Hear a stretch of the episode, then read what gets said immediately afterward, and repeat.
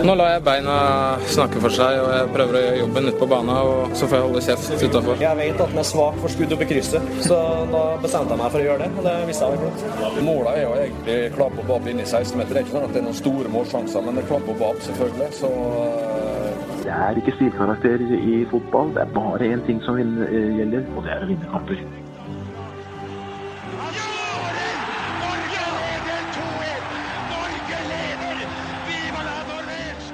Og der er uh, toppfotball uh, tilbake. Lasse Wangstein, velkommen! Takk for det, Martin Roppestad. I dag har vi Nå står faktisk Jørgen Kjernås og skraper på døra her. Vi skal, han Ja. kommer inn i studio veldig snart. Han er for senkommet. Han er for sent kommet. Eh, vi hadde ingen tid å miste, for vi har storfint besøk av sportssjef i Sarpsborg 08. Altså overraskelseslaget. Årets komet. Thomas Berntsen, velkommen. Tusen takk. Men Det er- er de det? Jeg må Hva? bare forklare. Er de egentlig en sånn overraskelseslag? De var jo ganske gode i fjor òg. Det har Jeg vært ganske var det. lengre tid. Vi spilte, I fjor så spilte vi kvartfinale i cupen, og vi hadde vel sølvmedaljen i lomma når det var igjen 120 minutter av, eh, av serien, så vi var nok ikke så veldig dårlige i fjor heller. Og Nei. de som ble veldig overraska over at vi gjør det bra i, i år, har vel egentlig ikke fulgt med. Martin, hører dere? Du har ikke fulgt med? Vi, vi har snakka om det. Vi, vi så tendensen i fjor også. Men, men da fikk det prestasjonene fikk på en måte forbigå litt i stillhet. Men det var en knallsterk femteplass, mener jeg, i fjor. Eller noe sånt. Jeg tror vi faktisk eh, ramla på sjette til, Ja, sjette til slutt. Mm. Vi, Det var veldig tett der eh, i den ja, vi, vi, vi spilte om medalje borte mot Brann i siste. Vi tapte mot Brann i, i siste. Ja. Og nå skårer dere på overtid med timene mot Brann. Kanskje det vipper det riktig vei i år? Ja, det kan, det kan gjøre det. Vi føler jo sånn sett at vi ikke har fått noe sånn spesielt godt betalt ennå heller. Vi, hvis vi går gjennom kampene våre, så har vi vært eh, noe heldige i, i Skien borte. Eh, fikk et poeng der, og utover det så har vi egentlig vært litt uheldige. Så hadde vi hatt maks uttelling, så hadde vi toppa tabellen. Så, eh, så, sånn ser det ut hos oss i, i år. Men vi, vi snakket litt om det før vi gikk inn i studio. Snakkes det om medalje i Sarpsborg? Ja, det, det snakkes jo om eh, medalje i Sarpsborg, eh, spesielt rundt klubben. Eh, blant supportere og, og sponsorer og de som følger oss tettest, er jo selvfølgelig veldig opp, oppsatt på det. Vi internt i klubben vi har jo lyst til å, vinne flest mulig fotballkamper, men det viktigste for oss er at uh, vår strategiske plan om å være en, en klubb som nærmer seg topp seks og er eh, konstant på topp seks i, i Eliteserien over tid, det er det viktigste for oss å gjøre de beslutningene som er, er riktig i tråd med det. Så vi, vi bruker ikke noe penger som uh, vi ikke har, vi, eller vi har en god del penger nå, men vi bruker ikke noe av dem heller. Vi gikk vel i pluss eh, hvis vi bare legger Tronsen-salget eh, helt til side, for det, det har vi stua helt bort, så har vi fortsatt gått i pluss med de transaksjonene vi har gjort i sommer på inn og ut. Så, så det er ikke sånn at vi satser eh, eller går med ja, Hva heter det? Går- Satser gård og grunn, er det ikke det det heter? da, For å ta disse medaljene. Det, ikke, det viktigste er at vi, at vi er en god aktør i Eliteserien i åra framover. Men det, ja, eh, det er jo gjerne sånn at eh, klubber som går ut og sier nå nå er det vår tur, nå skal vi virkelig satse. Kanskje får seg en liten knekk. Men klarer dere internt å tenke de to tankene samtidig i hodet? At vi har veldig lyst på den medaljen, og gjerne eh, helt opp, men vi skal likevel klare å være fornuftige i det vi gjør ned mot på en måte de andre mer langsiktige målene, da, om å stabilisere seg topp seks? Det er jo det å finne balansen i forhold til eh, i, forhold til kommunikasjonen vår eh, mot de som eh, omgir oss, eh, både i forhold til media, men også de som følger oss tettest. Det er viktig å, å beholde entusiasmen og, og være inspirerende. Samtidig er det, er det utrolig viktig for oss å, å å ivareta omdømme, økonomi og sport i den rekkefølgen. Det er helt avgjørende for oss. Det er sånn vi driver klubb. og eh, Sist jeg sjekka, så er vel de fleste som har eh, kjørt på skikkelig norsk fotball, utenom eh, Rosenborg, de har, du har et Vålinga som skyldte 100 millioner sist gang de tok seriegull. Ja. Du har et Stabæk som i konkurs eh, etter de tok seriegull, så å si. Du har et Brann som lå med brukket rygg. Så de fleste som har, har gjort mer enn det de skulle for å oppnå noe, noe, noe gjevt, og de har slitt i ettertid. Og vi, vi har ikke tenkt å være en av de. Velkommen i studio, breddedirektør i Toppfotball, Jørgen Kjernås. Takk for det. takk for det Godt å ha deg med. Jo, trivelig. Eh, litt spesielt å komme løpende innom. men det var- Vi stolte på NSB i dag og havna i litt kø i heisen òg, så det Vi hadde ingen tid å miste med Berntsen her. Nei, men det er viktig tid, det er det. Så det er bra, det. Men nå øh, altså, Vi skal ikke spå noe her før sesongen er ferdig, men, eh, men eh, la oss tro da at det ender en medalje på, uh, i Sarpsborg. Men hva er, hva er liksom neste mål for, uh, for Sarpsborg? Tenker dere, dere Altså Europa er liksom naturlig kanskje neste steg? Ja, det, det er, jo, er, jo, det. Det viktigste for oss er uansett å utvikle klubb. og Utvikle treningskultur, utvikle stadion vår. Vi har en stadion som ikke er eh, helt egnet til å spille Europa eh, osv. på enda. Vi, vi, ønsker å ta en europacupplass for neste år. og Da må vi utvikle stadion vår. Vi kommer til å bruke en del økonomi på det. Eh, som jeg sa ute på gangen her i stad, vi har tapt én av de 18 siste kampene. Vi har ti kamper igjen nå, pluss én til to i cupen.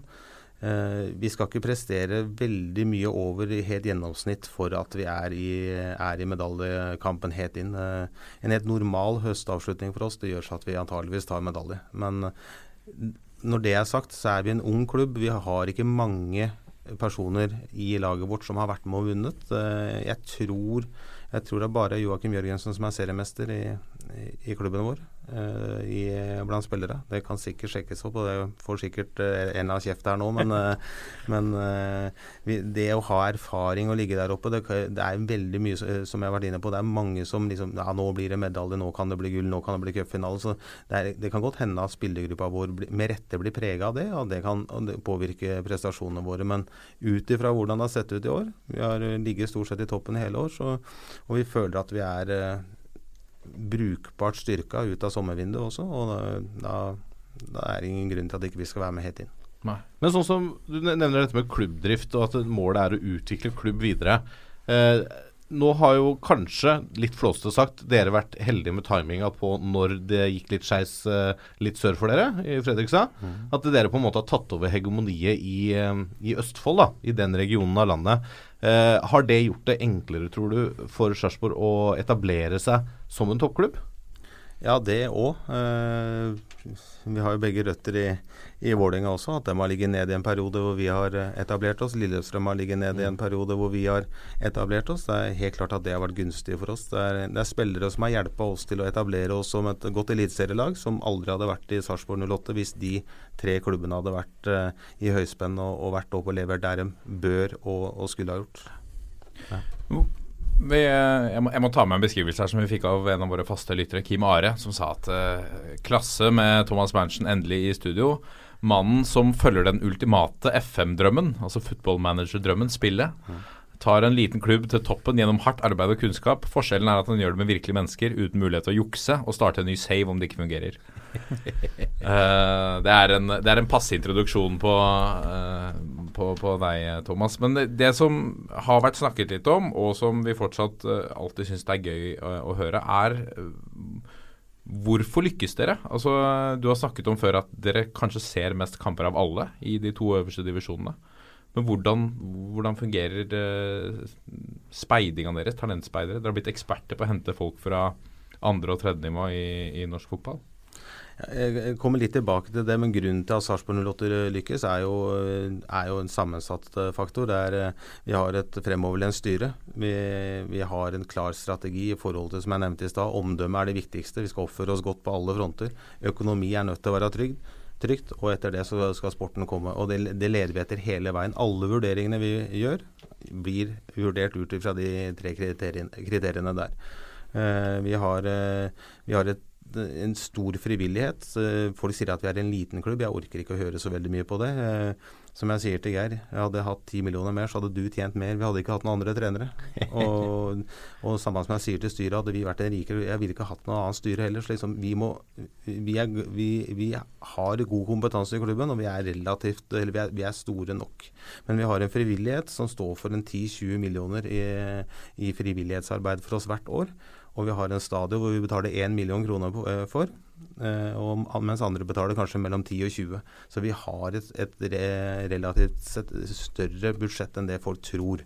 Eh, men eh, som sagt, vi jobber i team. Et, vi drar i samme retning og i, og i en bestemt retning. Det er helt avgjørende. Og så tilbake til det med, det med speiding. Det er, vi har hatt vi, vi bommer litt innimellom, men vi prøver å treffe mer enn vi bommer.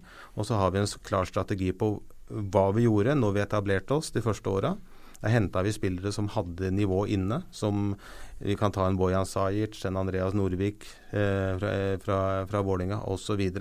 Eh, nå er vi helt klare i strategien vår i forhold til de spillerne som skal inn til oss. er fire-fem kriterier som, som de skal score høyt på. Kanskje de ikke scorer høyt på alle, men flest av de. Jeg kan gjerne ta, ta de kriteriene. Det er eh, de skal, ha en, eh, de skal ha en trenbarhet som er viktig for oss. Vi, I perioden de, eller de første åra hadde vi et lag som nesten ikke trente, men vi spilte god fotball. Nå er det sånn at uh, spillere hos oss, tre, uh, en snitt tre spillere hos oss, de, de trener 90-95, kanskje opp mot 100 av øktene i løpet av året. Så de må kunne trene, for treningskulturen og treningshverdagen er det som gjør at vi er med i toppen.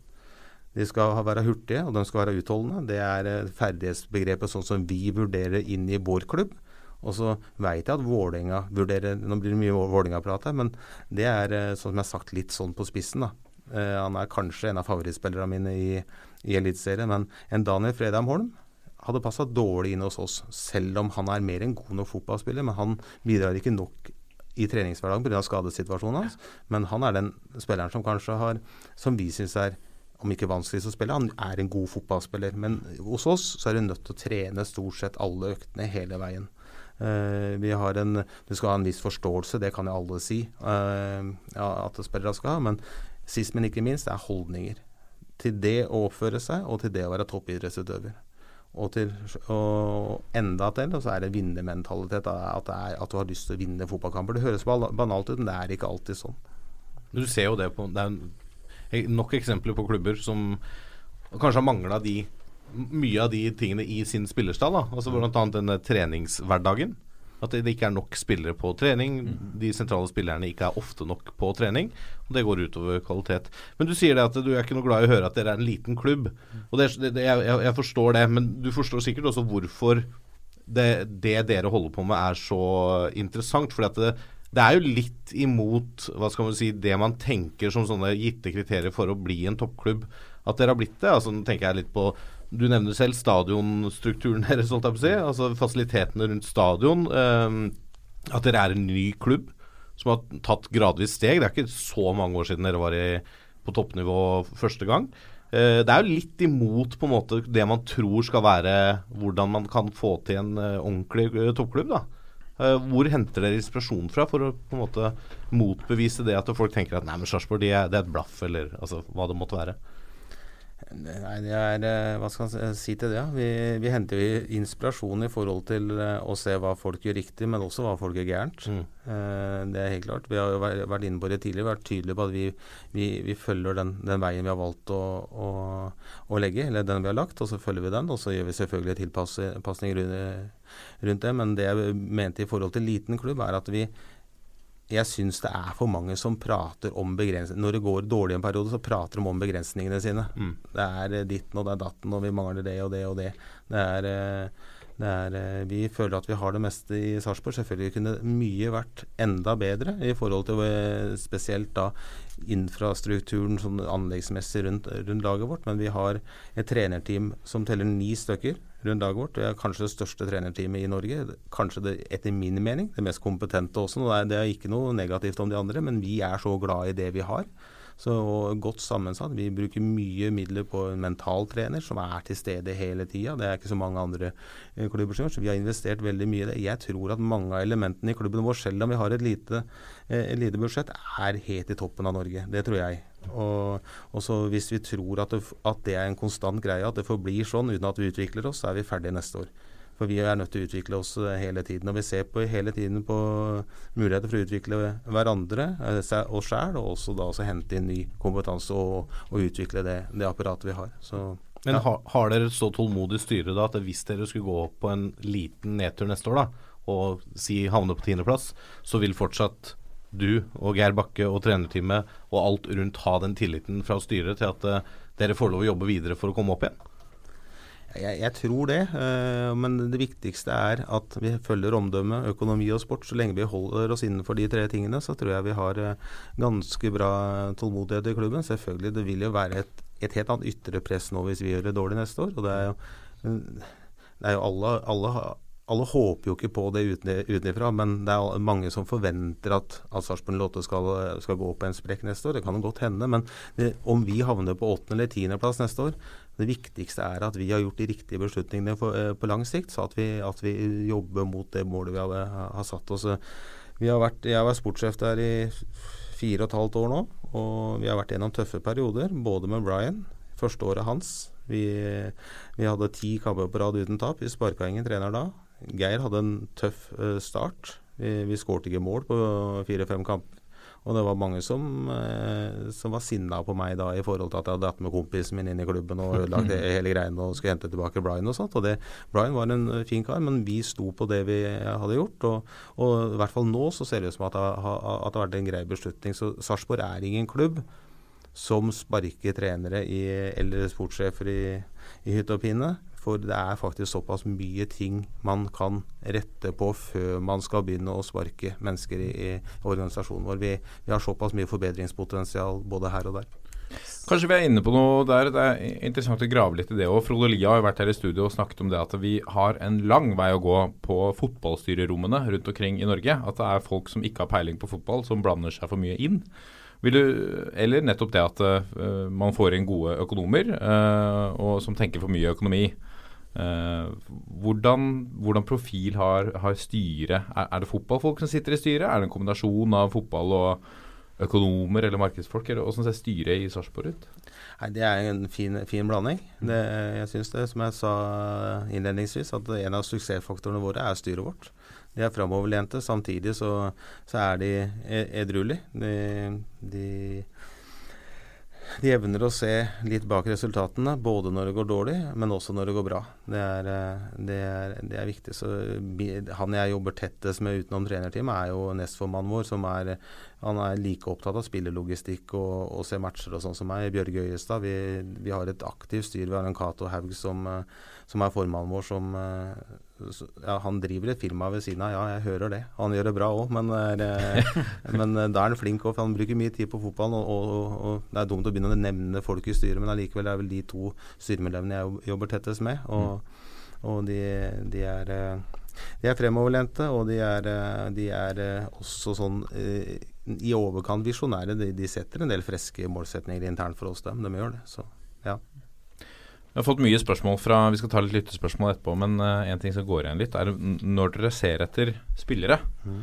uh, hvor låst er dere til konkrete roller? Kan du f.eks. se en uh, Ta en venstrekant da, som, som har et godt venstrebein, men som er for Nå har du akkurat sagt at dere er på jakt etter raske folk, da, mm. men som, som, du eller de andre kan se på at han ville passa perfekt på venstrebekk. Mm.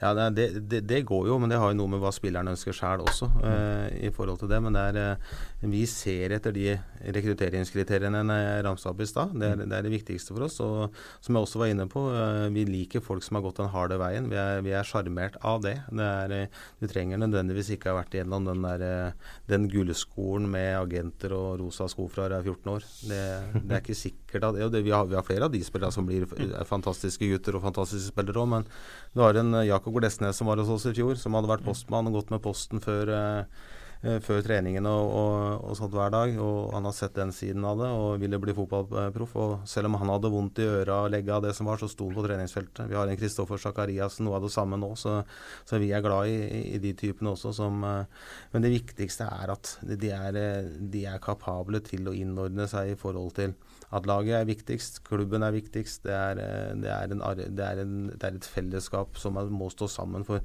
en Sarpsborg eh, som ikke står sammen, som ikke, ikke, deler de samme verdiene, da kommer vi fort til å ryke ut av, ut av Eliteserien. Mm. Det er litt deilig å slå de store klubba på, på en måte de spillerne her. Altså sånn som Glesnes og Sakariassen burde jo Brann på en måte ha oppdaga fra de var 14 år gamle. Sigurd Rostedt er vel vokst opp en langpasning fra Valle Hovin. Så havner de i Sarpsborg isteden.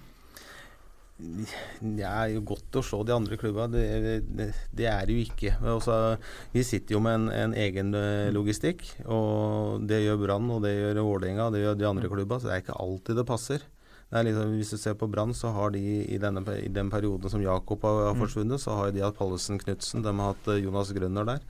Så det er, eh, du har et, et Vålerenga som har hatt uh, Nakim Nesberg Mm. oppi pipen der, som, som er, så det er ikke alltid at det er sånn at, Mm. at det er at de har gjort en slack, slack jobb. Det er eh, sånn at vi har vært kanskje heldige at de har fylt opp Mm. sine uh, kvoter akkurat da, og det kan jo gjelde andre spillere nå. Som når vi, er, vi har en brei og fin tropp, nå kan det godt hende at det forsvinner spillere fra Øst, Østfold-området som blir bra, eller blir eh, veldig gode i Vålinga nå. Det kan godt hende. Så, Mm.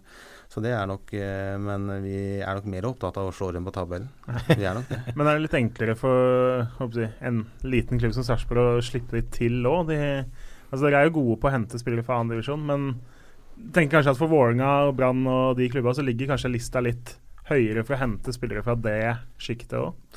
Ja, forventningene er vel sånn at eh, de skal hente spillere fra et høyere sjikte. Mm. Men eh, ikke, ja, sånn som det har sett ut i det siste, så er det ikke sikkert at det blir noe bedre av den grunn. Eh, det er, det, men det er jo sånn. Det, det, sånn som du sier i England, det er ikke interessant for dem å kjøpe spillere under 200 millioner lenger, for det er ingen som bryr seg om dem. Mens det, det er jo spans, spanske klubber de gidder jo ikke å kjøpe, med mindre det er Barcelona og Real Madrid, så kjøper de ikke spillere for den prisen, for de vet at de får tak i like bra kvalitet et annet sted. Mm. Så ja, det er ja. Men der eh, er du inne på noe som jeg hadde lyst til å spørre deg om. For det eh, Prisene på spillere i internasjonal fotball nå det, Du ser det sommervinduet nå med Neymar 2,2 milliarder, eller hva det er.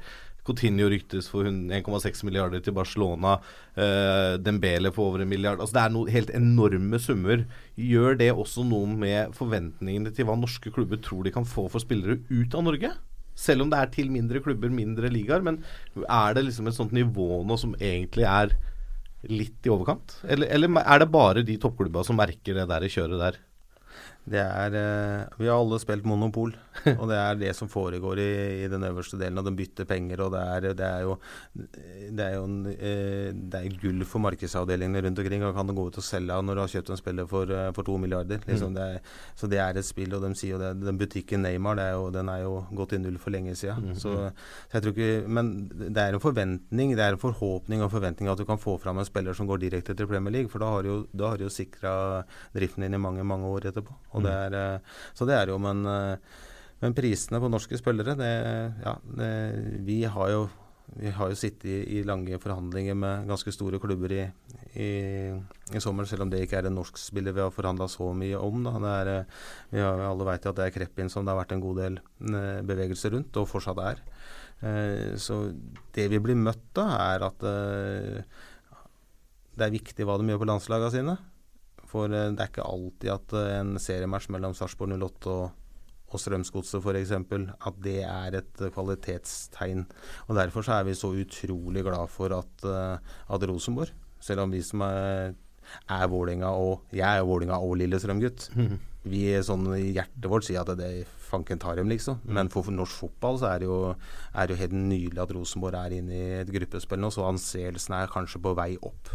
At eh, vi forhåpentligvis har en frisk bris på A-landslaget vårt og sånt, og det er helt nydelig. For vi må få en høyere anseelse eh, internasjonalt for at vi skal kunne få de virkelig store prisene for, eh, for spillerne våre også. Så, så vi, vi sitter med Rosenborg-skjerf når det spilles Europa League, selv om, selv om vi sitter med Ja, det er, det er litt sånn ja, tvega akkurat de greiene der, men det er, det er, det er bra for norsk fotball. Men tror du Anders Johnsen, Samuel Adegbenro hadde gått for de summene de har gått for i sommer i fjor sommer?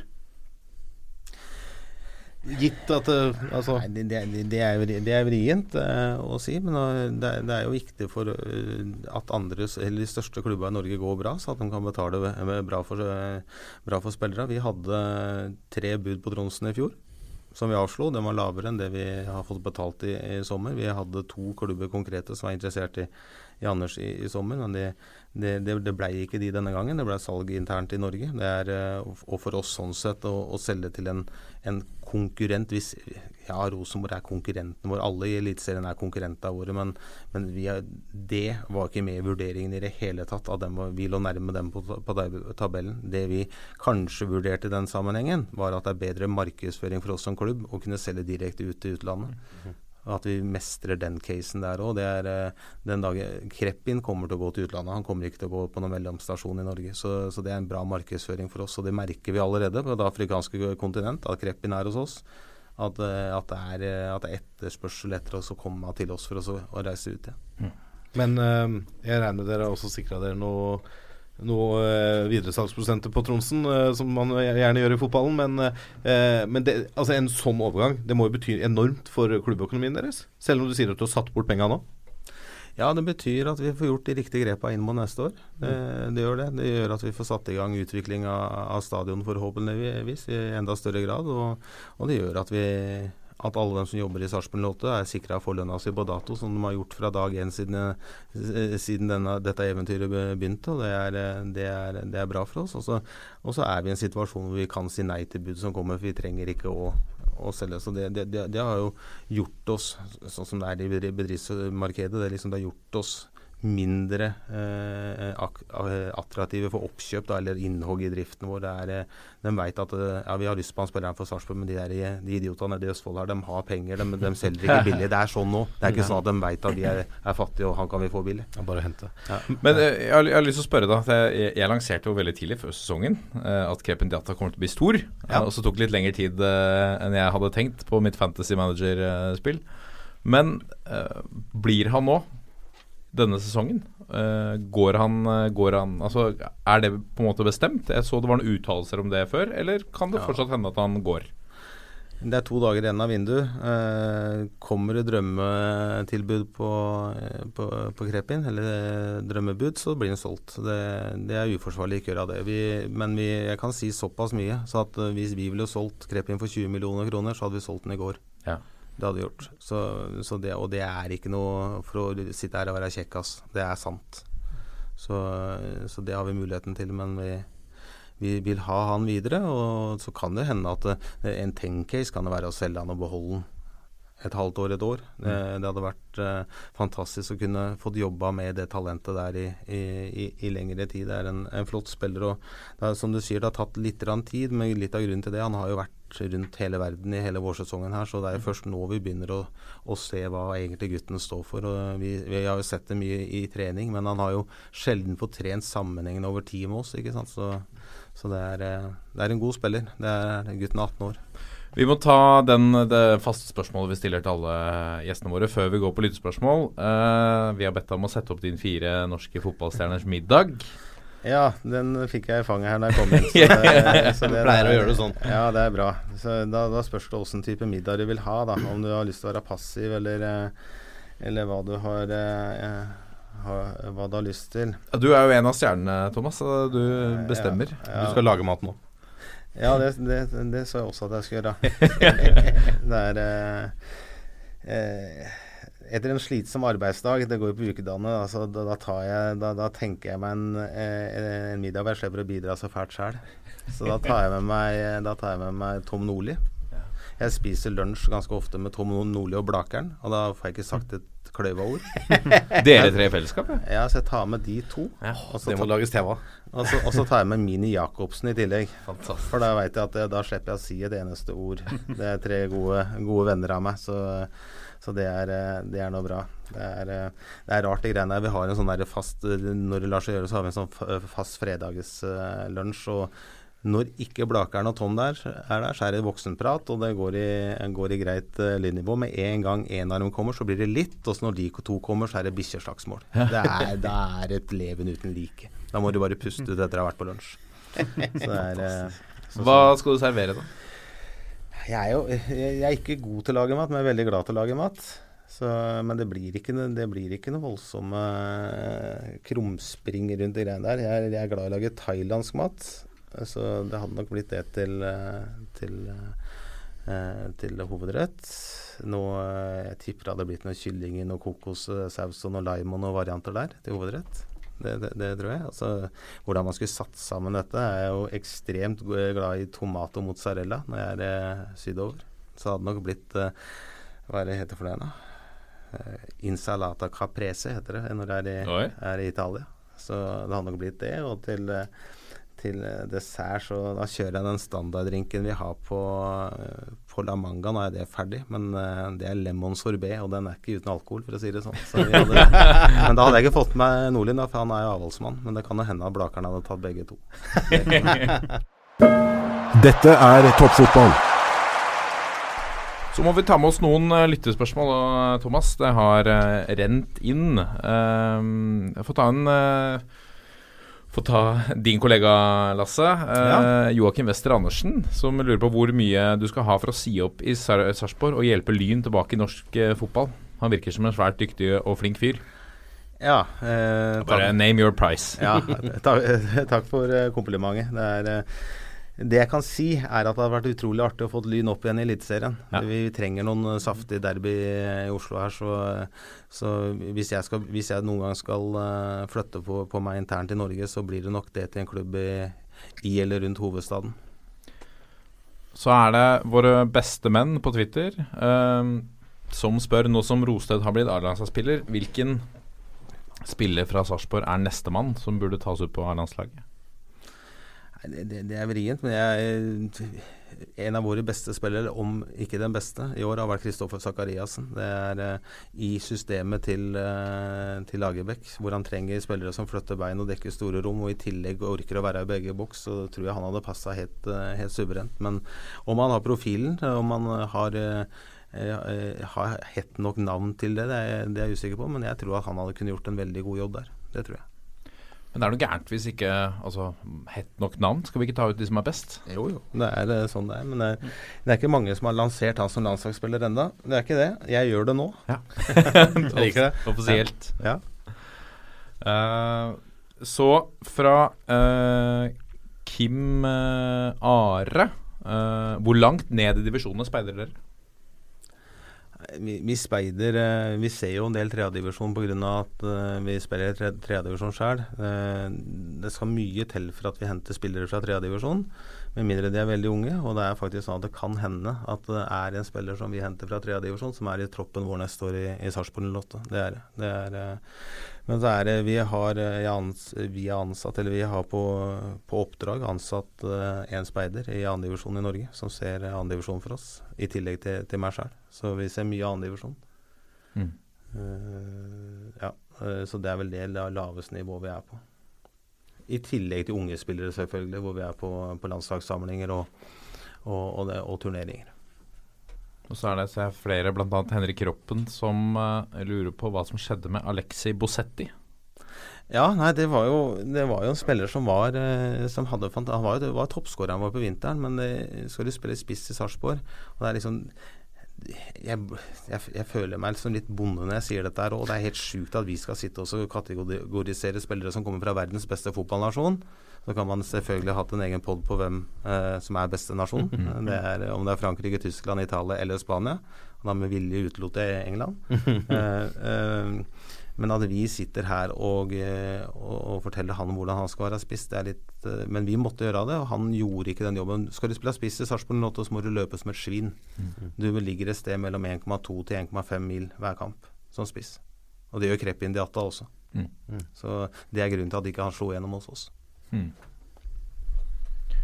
Ehm, og så til denne avtalen med, med, med Milan, Mm. som ble en låneavtale. Ryktene begynte å gå eh, Jeg tror vi plukka det først opp i italiensk Ble tipsa om en artikkel i italiensk presse. Jørgen Strand Larsen. Mm.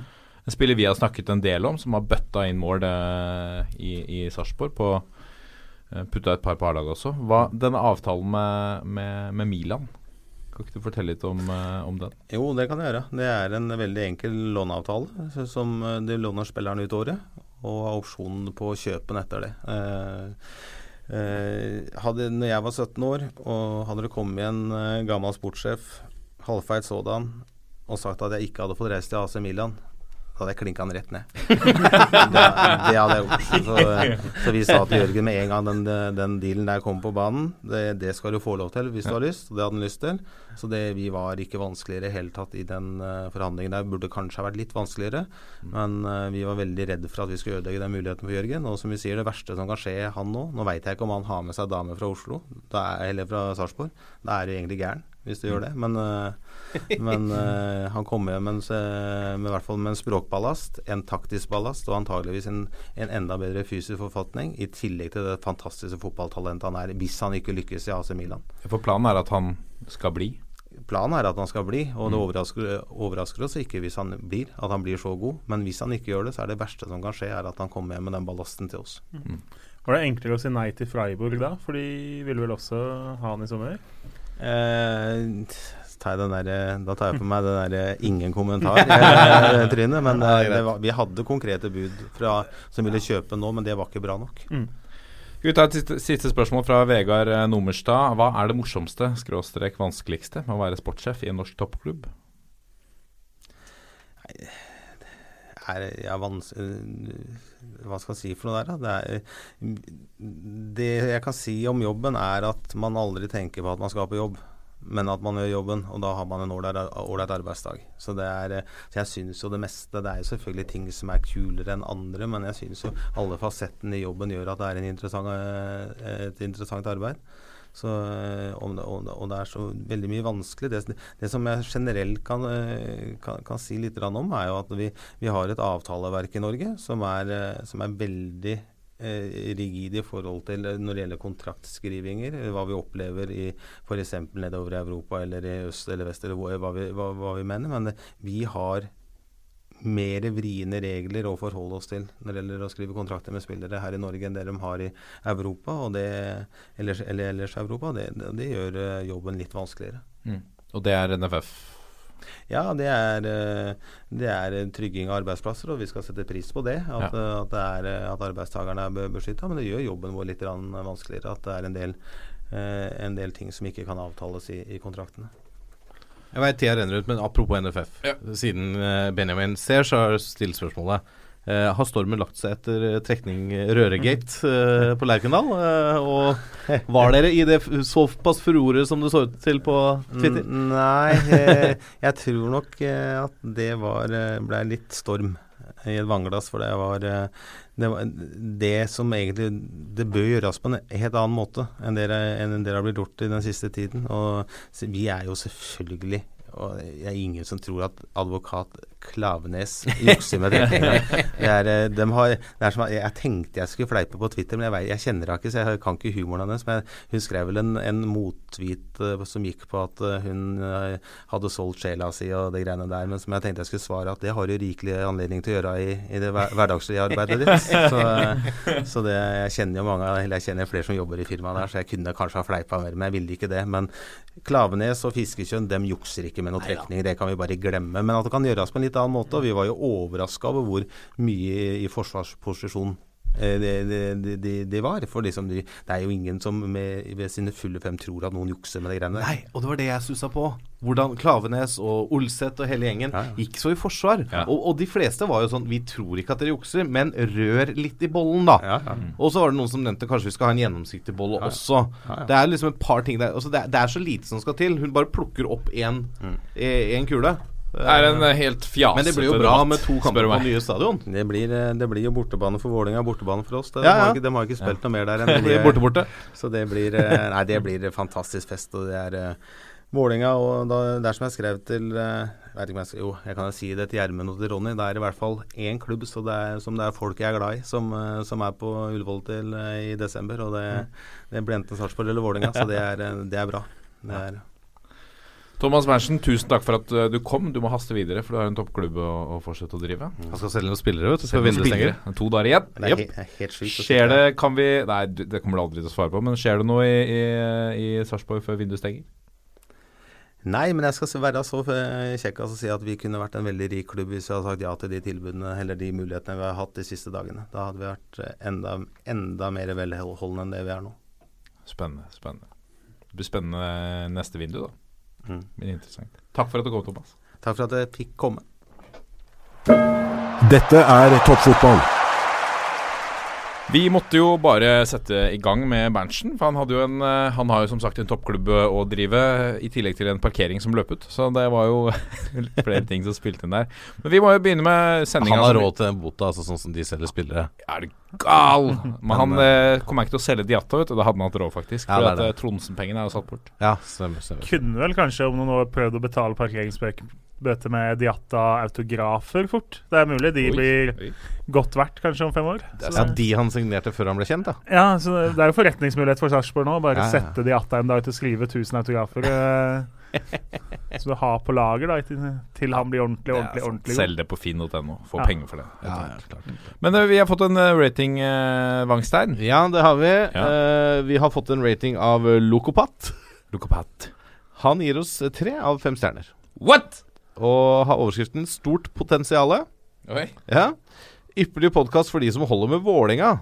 Tidvis 40-45% Jeg lurer på hvem det er et stikk til? eller, Nei, jeg vet ikke. Nei, jeg vet Eh, men i hvert fall tidvis 40-45% Helt topp for de som interesserer seg for annen norsk fotball også. Ja. Ok. Ikke helt opp, da, med andre ord, i og med at det bare var tre av fem. Nei, det er jo ikke det, men det var bra potensiale. Men vi er ikke bitre. Nei, nei, nei, overhodet ikke. Nei. Eh, det må være greit at han sier det. Helt. Og så kan vi si at vi Ja, det blir litt Vålerenga, men jeg syns ikke vi prater så mye som 60 om Vålerenga. Det er morsomt vi må bare ta det Det er morsomt hvordan uh, vi kan snakke Hvis vi snakker lite om har fokus på det, Da får får vi vi kjeft. For at, uh, hvorfor snakker dere aldri om Målinga? Ja. Eh, på den annen side, hvis vi snakker veldig Hvis vi snakker om fantasy, så får vi kjeft for hvorfor vi snakker om fantasy. Hvis vi utelater fantasy, så får vi kjeft. Snakk mer om fantasy. ja. Snakk mer om fantasy. Hva skjedde med fantasy? Ja. Det er morsomt. Men det, vi elsker engasjementet, da. Ja, det er nydelig. Send inn noe engasjement til toppfotball at 451. Fortell oss hvorfor vi eh, suger eselballet, eller hvorfor vi er veldig gode. Eselballet, det er alt. Eh, blir ikke fantasy i dag, da. Det kan vi si med en gang. I dag blir ikke fantasy, eh, for vi er i en landslagspause som bringer meg inn på uh, agendaen. Vi skal jo i Pulsen senere snakke bl.a. om at var så mye bedre før. Det går en debatt nå i etterkant av denne boken om landslaget, uh, som vi må innom. Ada Hegerberg gir seg på landslaget. Eh, det må snakkes om. Uh, Pål Anders Kirkevold har jeg lyst til å snakke om. I storform i Danmark. Burde ha vært med Lars Lagerbäck sin tropp. Burde vel, om vi hadde hatt tid, spurt Thomas Berntsen om det, men eh, Absolutt. Det burde vi faktisk. kanskje vi skal ringe Thomas Du, apropos Hvor er Håvard når vi trenger ham, liksom? ja. Nicolay Næss er, har funnet seg en ny klubb. Og Kjernås, du har en liten godbit i et slags retrohjørne. Vi sparer den. Ja, vi lokker ikke med mer enn det. Til slutt i sendinga skal vi selvfølgelig se nærmere på de to uh, neste A-landskampene mot Aserbajdsjan og Tyskland. Og også Kosovo-Norge og Norge-Israel i U21. Vi møter altså Kosovo. Har mulighet for å gjen, uh, gjenreise æren etter 0-3 på Marienlyst. Må bare vinne 4-0 da for å gå i pluss. Yes. Etter å ha vunnet 5-0 sist. Gratulerer med dagen. Før det så må vi nevne en ting at uh, Moderne Media, som er vårt kjære produksjonsselskap, har et uh, har nå fått et slags ansvar for en masse spennende ting som kommer til å skje på pokalen, som ligger på Alexander Kiellands plass, eller ved mathallen der. Vulkan. Vulkan, det er riktig å si. Der kommer det til å skje masse eh, spennende fotballting framover. Livepodkaster, og jeg vet at nå, eh, 4.9, så skal Fantasyrådet ha en livepodkast der. For ihuga fantasyhuer, så er det verdt å ta seg en tur. Men følg med på Facebooken til pokalen, så får man litt eh, mulighet til å få med seg litt fotball fra scenen også. Det er en ypperlig arena for å gå og se ball, altså. Det må jeg bare For å se ball, og etter hvert høre litt ball òg, da. høre litt ball òg. Ja, og se fjesene som snakker om ball. Åh, det er Nå kommer pulsen.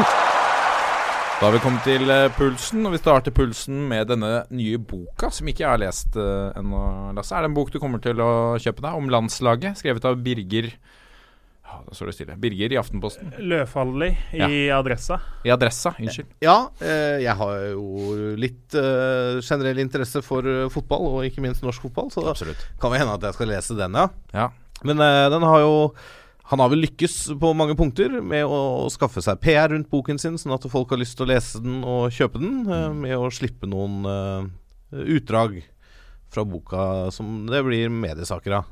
Og der har han jo lykkes godt, da, kan vi vel eh, si, når vi ser hva som har blitt skrevet de siste dagene. Spesielt da kanskje om generasjonen etter Solbakken, Solskjær og co. Altså Jon Arne Riise, Jon Carew spesielt ble vel trukket fram som på en måte den generasjonen som kanskje ikke brydde seg like mye om fotballen og var litt mer opptatt av fine biler og PlayStation og, og sånne ting. Um, og det skaper jo selvfølgelig litt grann eh, diskusjon, da. Hvor både Drillo og Jon Arne Riise har vært ute og uttalt seg. Jeg får litt den følelsen av gamle menn som sier alt var så mye bedre før.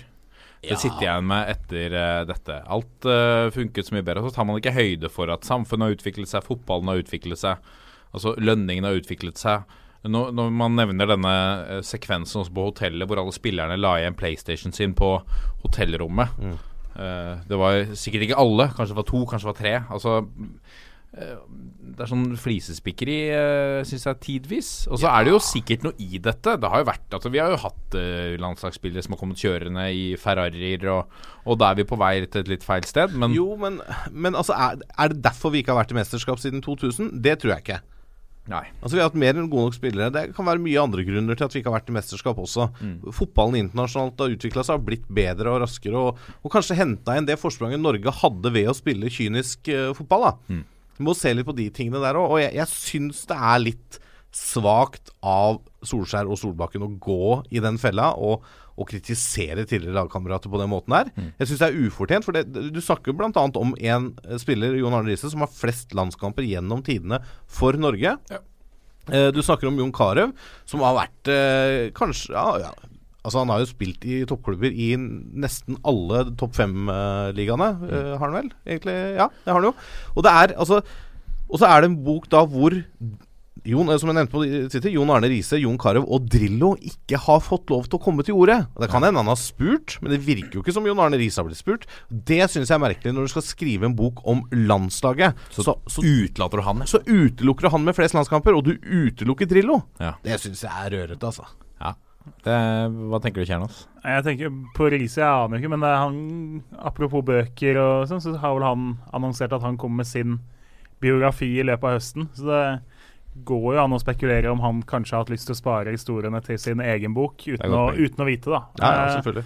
Men eh, nei, jeg tenker Det er litt sånn der sandkassedebatt. Det som i hvert fall kommer fram i media. Jeg har ikke lest et ord av boka, men eh, de eh, artiklene som er skrevet om det Det er litt sånn ja, vi var mye mer proffe, og vi brydde oss mye mer, og vi var mye mer interessert i det taktiske rundt fotball eh, enn de gutta som kom før oss. Eh, og sånn vil det jo alltid være. ikke sant? Når jeg sitter og mimrer tilbake til russetida mi, så var vi mye kulere og tøffere og gærnere enn de som er russ nå, på en måte. Eh, man vil jo alltid tenke det beste om seg sjøl, og så kan man si at eh, den generasjonen som Drillo starta med på 90-tallet, jo, de kom til mesterskap eh, og gjorde det bra og alt sånn. Men ja, om vi skal på en måte legge det på liksom uproffe holdninger, eh, eller de tjente mange millioner, eller Jeg syns det blir litt sånn halvsøkt, det. Jeg er helt enig. og Så kan du godt si at ja, de var sikkert mer interessert i det taktiske og i fotballen, for du har da topptrenere som da Solbakken, Solskjær, Rekdal, Kåre Ingebrigtsen for den saks skyld, eh, Stig Inge Bjørneby som er sportssjef i Rosenborg. Altså, mange av disse gutta fra Drillo-generasjonen har blitt fotballtrenere på et ganske greit nivå. Henning Berg. Henning Berg, ikke minst. ikke sant? Eh, Rune Bratseth har vært involvert i en del eh, fotball opp gjennom tida også. Eh, Erik Thorstvedt for den saks skyld var jo keeperen på landslaget, han. Men eh, Jon Arne Riise og Jon Carew er ikke der nå at de ser ut som de skal gå den veien, at de skal være trenere. Jon Arne Riise har jo snakka om at han har lyst til å bli det. Carew virker jo helt uinteressert. Men altså, alle fotballspillere må jo ikke være fotballinteressert. Det finnes jo masse eksempler på gode fotballspillere. Du har jo annet en, kanskje Norge, den beste spissen i Eliteserien, Bjørn Bergman Sigurdasson. Han er jo ikke interessert i fotball i det hele tatt. Det er en jobb. Han spiller fotball, han er god til det. Ja. Altså, det, det er liksom Du må jo ikke være interessert i alt det nølete taktiske for å være en god fotballspiller, eller fordi at du er så jævlig mye bedre enn alle andre. Jeg syns dette er rør av Solbakken og Solskjær. Jeg syns de fremstår som eh, jeg jeg vil nesten si at de er lite sympatiske. Altså, jeg, jeg syns dette bare er egentlig Om det er noe, så er det en ripe i lakken til dems ettermæle. Ja. Jeg, jeg kan uh, strekke meg til å være enig i det. Jeg syns det er litt sånn sytete. Uh, nå har vel ikke med Altså eh, ingen av de to eh, vel, eh, står vel ikke igjen i historien som de beste landslagsspillerne vi har hatt. Det har vært store klubbspillere. Altså Solskjær Ingen kan si noe på klubbkarrieren, men på landslaget hvor, Jeg vet ikke hvor mange mål han har. eh, Nei, han gjorde jo Det var jo mye ute som wing, og altså Han uh, huskes jo pga. Manchester United-eventyret, selvsagt. Eh, det er som du sier, at på landslaget så uh, hadde han levert som han gjorde på landslaget, og ikke spilt i Manchester United, men havna i Nederland eller et eller annet, så hadde han uh, ikke vært den profilen han er nå. Ikke, Det ikke det hele tatt. Altså, og det, det er jeg helt enig i. At da, Du må se deg sjøl litt grann i speilet. Og, og, og, og da kan du selvfølgelig Solskjær begynne å skylde på, på som du sier, at han blir dytta ut på vingen og uh, spillestilen ikke passa han. Men når du er så god for Englands beste klubb, og ikke klarer å være å, å bære det landslaget bedre enn du har- Solskjær gjorde. For det, eh, sånn var det. Han var ikke Han, var, han hadde noen kjempekamper, selvfølgelig. Ja, var han har ikke god over 23, jeg sjekka nå, 23 mål på 67 kamper. så Det er jo bra stats. Greit. Men han, han, eh, han klarte ikke å skyte Norge i større grad til et sluttspill. Så det Ja. eh, hadde Torbjørn Svendsen gått ut og meldt noe, så skulle jeg kanskje hørt litt bedre etter. Ja, helt enig. Helt enig. Men ja. Men ja, det er eh, skal- Er denne boka verdt å lese, tenker dere? Eller er det en eh, litt sånn sladderbok? ensidig? Det er jo vanskelig å si når man ikke har, Har lest lest, et komma, på en måte. Men uh, denne historien med Semb som var på ferie, og så trodde man at Drillo ikke var motivert for å fortsette osv. Det er jo litt om den uh, sparkinga av Drillo der også. Mm. Uh, hele den episoden har jo nesten fått Altså, det var jo mye fuss rundt det, og det har kommet litt i perioder, men det er hver gang man blir påminnet det, at vi sparker en landslagssjef fordi man tror han er umotivert, uten at vi spør landslagssjefen selv eller spør toppfotballsjefen som har snakka med han fordi Sem var på ferie i USA. Eh, det virker jo eh, Nå dro vi paralleller til Football Manager i stad. Det virker jo som noe jeg kan sitte og gjøre på Football Manager. At eh, spissen, treneren sutrer litt, liksom, eller spilleren sutrer, så da sparker hun. Det, det, det høres helt utrolig ut. Det er helt søkt. Det, er- det er jo helt spesielt. Og, hele den situasjonen var jo veldig spesiell. Hvordan eh, Høgmo kom inn der. Men vet vi hva som skjedde? Vi vet eh, Nei, vi må lese boka, da, tydeligvis. Nå plugga vi boka litt, og Ja. Mm. du sender regning. ja. vi, må, vi skal holde oss til NFF og landslaget. Ada Hegerberg uh, gir seg foreløpig, eller hun tar en pause. Umiddelbare tanker. Nei, altså Den første reaksjonen er jo at nå mister jo faktisk Norge og landslaget sin eneste egentlig verdensstjerne. da. Eh, du kan jo se på herrelandslaget. Vi har jo ingen som er i den kategorien, ikke i nærheten engang for gutta. Her har vi en som har blitt kåra til Europas beste spiller. BBC uh, har kåra ham til verdens beste spiller. Vunnet Champions League to år på rad og bøtta inn mål. Uh, er 22 år, liksom, og burde vært uh, ledestjerna, da. Uh, men så har det jo ikke funka for henne på landslaget. Eh, alle som så EM, det var jo Hadde du aldri sett Norge eller Hegerberg før, og så hadde du sett de tre kampene i EM, eh, og så blitt fortalt i ettertid at dette er kanskje verdens beste spiller, da hadde du jo ledd deg skakk i hjel, for da hadde du, du hadde aldri trodd på det. Eh, så, men det er jo tydelig, da. Det har ikke kommet helt glassklart fram liksom, nøyaktig hva. Men det begynner å komme litt konturer at hun har vært misfornøyd med litt sin rolle, at hun føler hun ikke blir hørt. Eh, de andre spillerne er litt misfornøyd med at hun eh, kanskje har litt sånn stjernenykker og sier fra er hard på krava der. Litt sånn unorsk mentalitet. Og så har det blitt helt skjæring, for hun blir ikke hørt, og det går ikke bra. og eh, Da ser jeg ikke noe verdi i å fortsette på landslaget akkurat nå. Aner vi litt den eh, Det har vært snakket om eh, typer som eh, Zlatan rundt det svenske landslaget i forbindelse med denne boken og disse tingene som har kommet. Altså spillere som tar ansvar og går i bresjen. Hva eh, Er det noe galt sånn du ser det, Wangstein? Er det NFF eller Ada Hegerberg her som må Altså gå i seg selv? altså alle sider har jo i hvert fall to Eller saker har to sider. Ja. Uh, og så kan du si at uh, hun kan fremstå som en sånn primadonna med nykker. Mm. Og så kan du si det på andre måten at NFF klarer ikke å forvalte talentet hennes godt nok. Og, klarer, og jeg mener vi ha, Hvis vi har verdens beste fotballspillere, som vi på mange måter har, eller i hvert fall én av verdens klart beste fotballspillere, Mm. og vi ikke klarer å utnytte hennes forser Sverige klarte det med Zlatan. Mm. Han var jo den som bar det landslaget på ryggen. Uh, på mange måter. Uh, hvor mange andre svenske landslagsspillere fra Zlatan er han, husker du? Altså Hvis du sier de siste, siste fem-seks åra, da. Mm. Du husker Henke Larsson for en stund tilbake. Så er det er sånn Andreas Isaksen. Det er ikke så veldig mange da du egentlig husker så veldig godt. Eh, kan du si det at kanskje NFF ikke har gjort en god nok jobb for å forvalte henne og bruke henne riktig og, og få det beste ut av henne på landslaget? Men eh, men det er, ja, det er flere sider her. Altså, jeg tror ikke, tror ikke vi har kommet til bunns i denne saken her. Men det er, det er synd at eh, en så god spiller ikke har lyst til å spille for Norge. tenkte jeg skulle sitere henne, for det var jo eh, Da nyheten kom på tirsdag eh, i går for oss når vi spiller så var det ganske Det var ganske ullent hva det var for noe. Altså Vi var tydelig misfornøyde og sånn. Eh, I dag så har jeg blitt intervjua hvert fall av VG og TV 2, som jeg har sett. Eh, hun sier til TV 2 at det snakkes my veldig mye om takhøyde, men jeg føler at det blir en fasade, det er ikke reelt. Jeg føler jeg har forsøkt å bidra konstruktivt, men jeg har ikke lykkes. Jeg har ikke fått uttrykt meg selv. Jeg føler rett og slett at det ikke har vært plass til meg. Så det er klart at hun har på en måte uh, Hun har jo mye å bidra med. Altså, banger inn, skårer haugevis av mål for Lyon og vinner Champions League. Blir kåra til Europas beste spiller og står sammen med Ronaldo. Ifølge Wikipedia så har hun 79 mål på eh, 65 Ja, kamper. Skal jo sies at Lyon er så suveren i den franske ligaen der at det er litt sånn som å være spiss for Rosenborg eh, i tippeligaen til tider, da. Ja. Eh, men uansett, det er jo ekstremt imponerende stats. Eh, og hun gjør det i Champions League òg, som jo tross alt er en bedre målestokk enn den hjemlige ligaen. Eh, men hvis hun på en måte Hun blir sannsynligvis sitter igjen med en følelse av å være undertrykt, da. Altså Hun får ikke lov til å på en måte være stjerna, ikke, blir ikke hørt. Eh, og så kan det jo hevdes at det er ikke hun som skal ta ut laget eller bestemme hvem hun skal spille med, eller om vi skal spille 4-4-2 eller lange baller eller satse på kantspill. Eller med. Men eh, Zlatan fikk tross alt lov til å være litt stjerne. Eh, han ble ikke behandla helt som alle andre. Han måtte følge regler, og da han tok med et par andre og dro på byen uh, uten at de hadde lov, så ble det konsekvenser. Ble sendt hjem. Uh, men han fikk lov til å være Zlatan. Han var ikke sånn at han gikk inn i, og var én av 22, på en måte. Det var Zlatan som var det 21 til. Så uten at vi skal løfte liksom Hegerberg opp der at hun sitter på trona si og på en måte hersker over alle andre, så har du en unik verdensstjerne. Det er ikke så fryktelig mange av de vi får oppleve i Norge. Da må du tenker jeg, da må du jenke deg litt, eh, og i hvert fall møte på halvveien, da, sånn at hun føler at hun har blitt hørt. Eh, I hvert fall et visst stykke.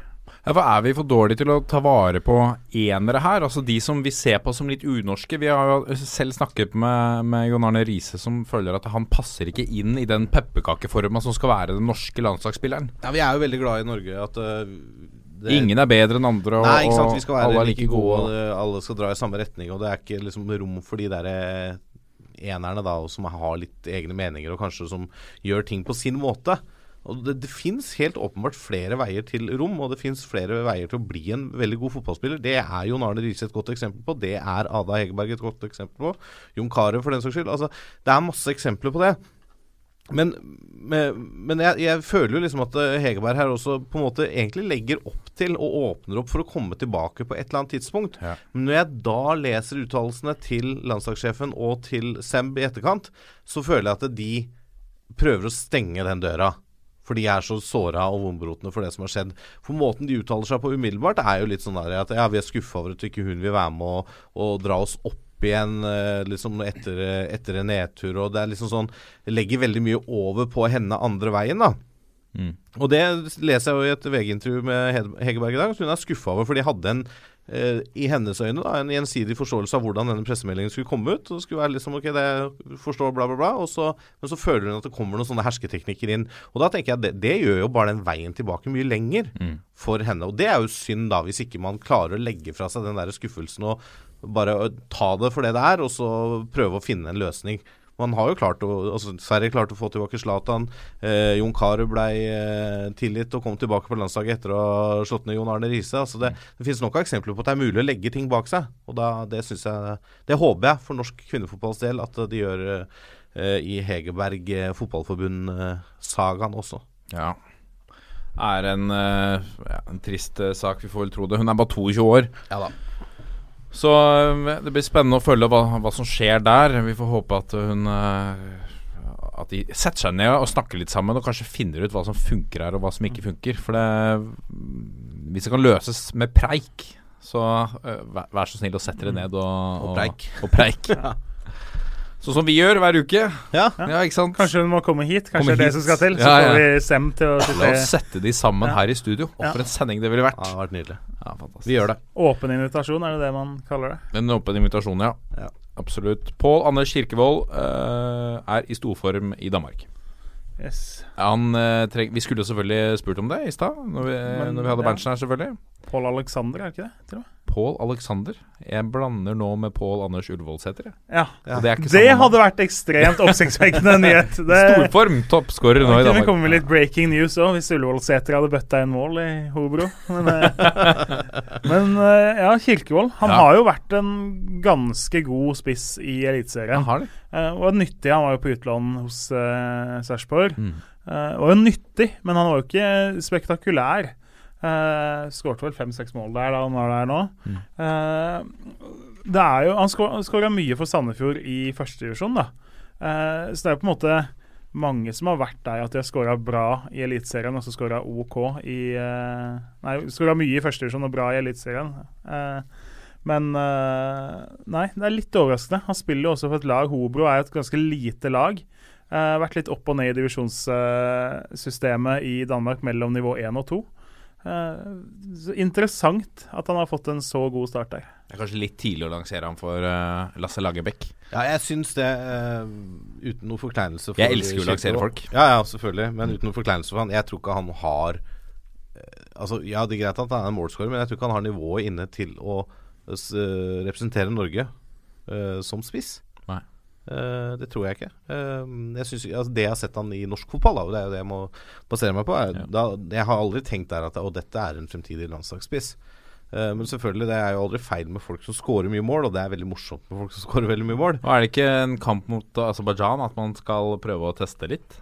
Nei. for Det har vi, så- nei, jeg syns jo ikke det. Vi har, skal sikkert tilbake til det. Vi har snakka om det før. Jeg syns jo nå Lagerbäck skal sette, sette troppen sin, skal sette laget sitt Ja. inn mot en kvalik som dukker opp igjen etter vi er ferdig med å boikotte neste VM. ja. Det er det vi gjør, ikke sant? Ja, vi, ja, ja, vi boikotter. Det er politisk boikott. Ja. Uh, Nicolay Næss Ja! Eh, må vi snakke litt om. Han eh, er, har signert for Heerenveen. Han har signert for Heerenveen. Norske Heeren, Heerenveen. Ja, det kan, må jo nesten kunne kalle Heerenveen en norsk klubb. Det har vært mye nordmenn der opp gjennom eh, tiden. Nå er, har de eh, Morten Thorsby og Martin Ødegaard i troppen, og akkurat kvitta seg med han eh, Johansen. Dennis Johnsen. Dennis Johnsen, mener jeg, som gikk til Ajax. Eh, Henta fra Columbus Crew i MLS. Eh, Ble kost seg i USA. ja, kost seg et års tid der borte. Og fått, uh, For et eventyr å være. Hvis du er litt decent i fotball, stikke over dit. Ja, det er kjempegøy. vet du. Men jeg, tror, jeg mener jo allikevel dette er et steg opp for Nicolay Næss. Helt sikkert. Å gå til æresdivisjonen. Eh, det virker sånn på uttalelsene jeg så halvtimen halvtime før sendestart òg. han omtaler seg selv som en midt, midtstopper som kan spille midtbane. Og Thomas Berntsen nevnte det så vidt før vi gikk på sending, at han tror han blir satsa på som defensiv midt i Heerenveen. Og det tror jeg kan passe Nicolay Næss godt. Han er- Sammen med liksom Thorsby på midten der, da. ja, og Thorsby er jo, og Ødegaard er jo offensive. Ja, ja, men Ja. eh, likevel. Ja, ja, det kan bli en del i norsk midtbane. Han har en veldig fin fot, bra skuddbein, bra pasningsfot, eh, god med ball. Eh, kanskje mangler litt grann på den derre eh, fysikken til å være en klassisk stopper. Du har jo unntakene opp gjennom tida, ikke sant? Charles Puyol, eh, Canavaro og sånn. Men det er liksom unntak som bekrefter regelen. Han er ikke kjempehøy til å være stopper. Han eh, eh, mangler kanskje litt på fysikken til å spille stopper i en såpass god liga. Eh, så jeg, det kan hende at Berntsen har rett der. Han har jo et øye for eh, for fotball, eh, vår tidligere gjest. Han kan sin idrett, denne Han- Berntsen. han kan det.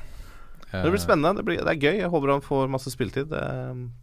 Jeg sa det vel eh, tidligere i sommer at jeg kunne godt tenke meg at Vålerenga henta tilbake Nicolay Næss, jeg. Men eh, jeg skjønner jo hvorfor det ikke var aktuelt når han går til Henfen, Ja. for å si det på den måten. Æresdivisjonen er på en måte på vei til å bli vår så det, er et, eh, det er noe av det første folk snakker om når de snakker om å ta et steg fra Norge. Det er, enten, eh, ja, det er stort sett Nederland man snakker om. Ja, det er litt safe òg. Altså, selv om språket jo er totalt forskjellig, så er på en måte Nederland er, det er jo ikke et land som er totalt forskjellig fra oss, og på en måte levesett og uh, levestandard og sånn. Uh, og så har jo Nederland og mange klubber der da skjønt at i norsk fotball så kan vi finne ganske gode spillere som ikke er altfor dyre. Eh, og som glir godt inn. De er uproblematiske, de er stort sett treningsvillige. og Det er liksom ikke noe trøbbel med dem, så du får på en måte en ganske safe pakke med norske spillere når du kjøper de da. Eh, jeg tenker jo Heerenveen det, eh, De har jo hatt en veldig tydelig strategi, eller i hvert fall henta veldig mye nordmenn. da. Og for Ness og jeg vil jo tro det er jo en fordel å ha noen du kan prate ditt eget språk med når du kommer til et land hvor du ikke kan språket. Og så er de altså eh, nederlendere, eh, kontra f.eks. gå til enkelte andre land, så er de er forholdsvis god i engelsk der, så det er lett å, lett å kommunisere selv om du ikke kan språket. Eh, nederlandsk skal visst være ganske lett å lære seg som nordmann. Eh, selv om det er litt annen måte å uttale det på. Så er det Skriftlig så er det jo ganske nær tysk, vel. Eh, og, så, de gangene det har vært noen nederlandske nyheter Jeg hadde jo tysk i fem år, selv om kompetansen er så som så. Det går an å lese nederlandske nyheter og på en måte få med seg essensen i det, da. Eh, Og så er Nederland kjent for å være et land som satser på unge spillere og utvikler de, og gir de, kan få muligheten til å gå til større ligaer etter hvert. Så det er et veldig safe valg for norske spillere å velge type Nederland, Belgia og de landene der, eh, sånn at du ikke tar et for stort jafs med en gang. Ja. Og Nicolay Næss har jo nå da gått via MLS, men allikevel, altså det her Jeg tror det er fornuftig valg. Jeg tror det er fornuftig av Ødegaard å være der, det er fornuftig av Thorsby. Presterer du i Heerenveen over tid, så får du muligheten i større klubber etter hvert. Det er jeg helt Ja. overbevist om. Jeg syns det er morsomt eh, Apropos vi snakker om eh, nordmenn og nederlendere. Da Solskjær og Ronny Johnsen eh, annet var i United, så snakket de om at de norske og de nederlandske spillerne gikk veldig tett. Mm. Solskjær sammen med Japstam og, og Jordi Cruyff. Ja. Solskjær og Jordi Cruyff var visst eh, bestekompiser da Mm. de spilte sammen. Fordi at det kanskje er noe med kulturen, at de er litt like. Mm. Det er uh, Og vi kan interessant. jo, jeg må jo bare nevne han uh, som var i Ålesund i vår. Han, Feltvik. Felt, Feltvik. Mm. Han er jo, spiller jo nå fast for dere Nå glemte jeg hvor han gikk, da. Men han bøtte inn mål for det laget han gikk til Nederland nå. Ja. Uh, så jeg her, jeg titta litt på det. Han skårer i flere kamper og starter som midtspiss, han. Så Ja. det går an å gå rett fra Eliteserien og, og ta æresdivisjon, altså. Fantastisk. Så I tillegg så er det jo kanskje litt sånn at Nederland er nærmere Norge. Tydeligvis litt mer i bevisstheten for de som skal ta et landslag nå. Selv om ikke Nicolay Næss er helt der at han burde være i en landslagstropp nå. Så Ja, det er tror jeg kanskje at, eh, det at spill i Nederland gjør det enklere da, hvis han er god der, enn hvis han er god i USA. ja, Hvis er Perry jo- først er nede og ser Herenfen, så Ja. får han med seg Nicolay Ikke sant? Det er bare å se på andre også, som gjør det bra i Det MLS, på en måte. Ola Kamara, for eksempel. Eh, Ja, det, Kanskje Ola Kamara bør gå til æresdivisjon? ja. Herenfen har sikkert, kan sikkert få nummeret hans òg. Har han, Stemmer det det jeg leste, at han bøtta inn 30 mål i år? Det er vel ikke i år, men det er vel forrige sesong og Ja, okay, denne. ja. Men eh, uansett, da. Han, ja, for han er en notorisk målskårer der borte Ja. nå. vi foregriper litt, vi skal vel snakke litt om landslagstropp, men det er Absolutt. klart at eh, så vi, vi sparer en vei vi. Før uh, Nå skulle vi nesten hatt en, hatt en slags jingle. Vi har kommet til uh, Kjernås retrohjørne. Kan du lage en jingle på, på Lag en bit, da. På, på, nei, beat Jeg er jo ikke noen Klarer du ikke å lage beat? Nei, men jeg kan si velkommen til Kjernås retrohjørne.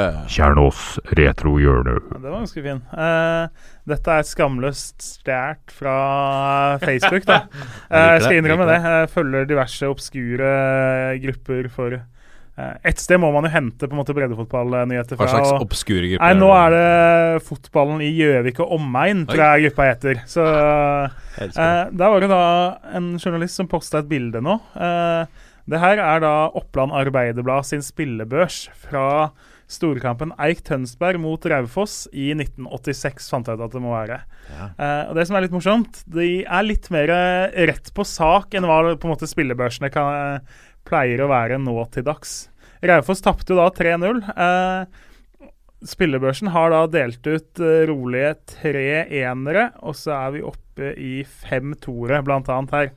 Eh, og det er karakteristikker som eh, med ballen på bakken og kjappe motstandere får Ulf store problemer. Det fikk han i fullt monn mot Eik, og hans eh, avleveringer kommer også på minussiden.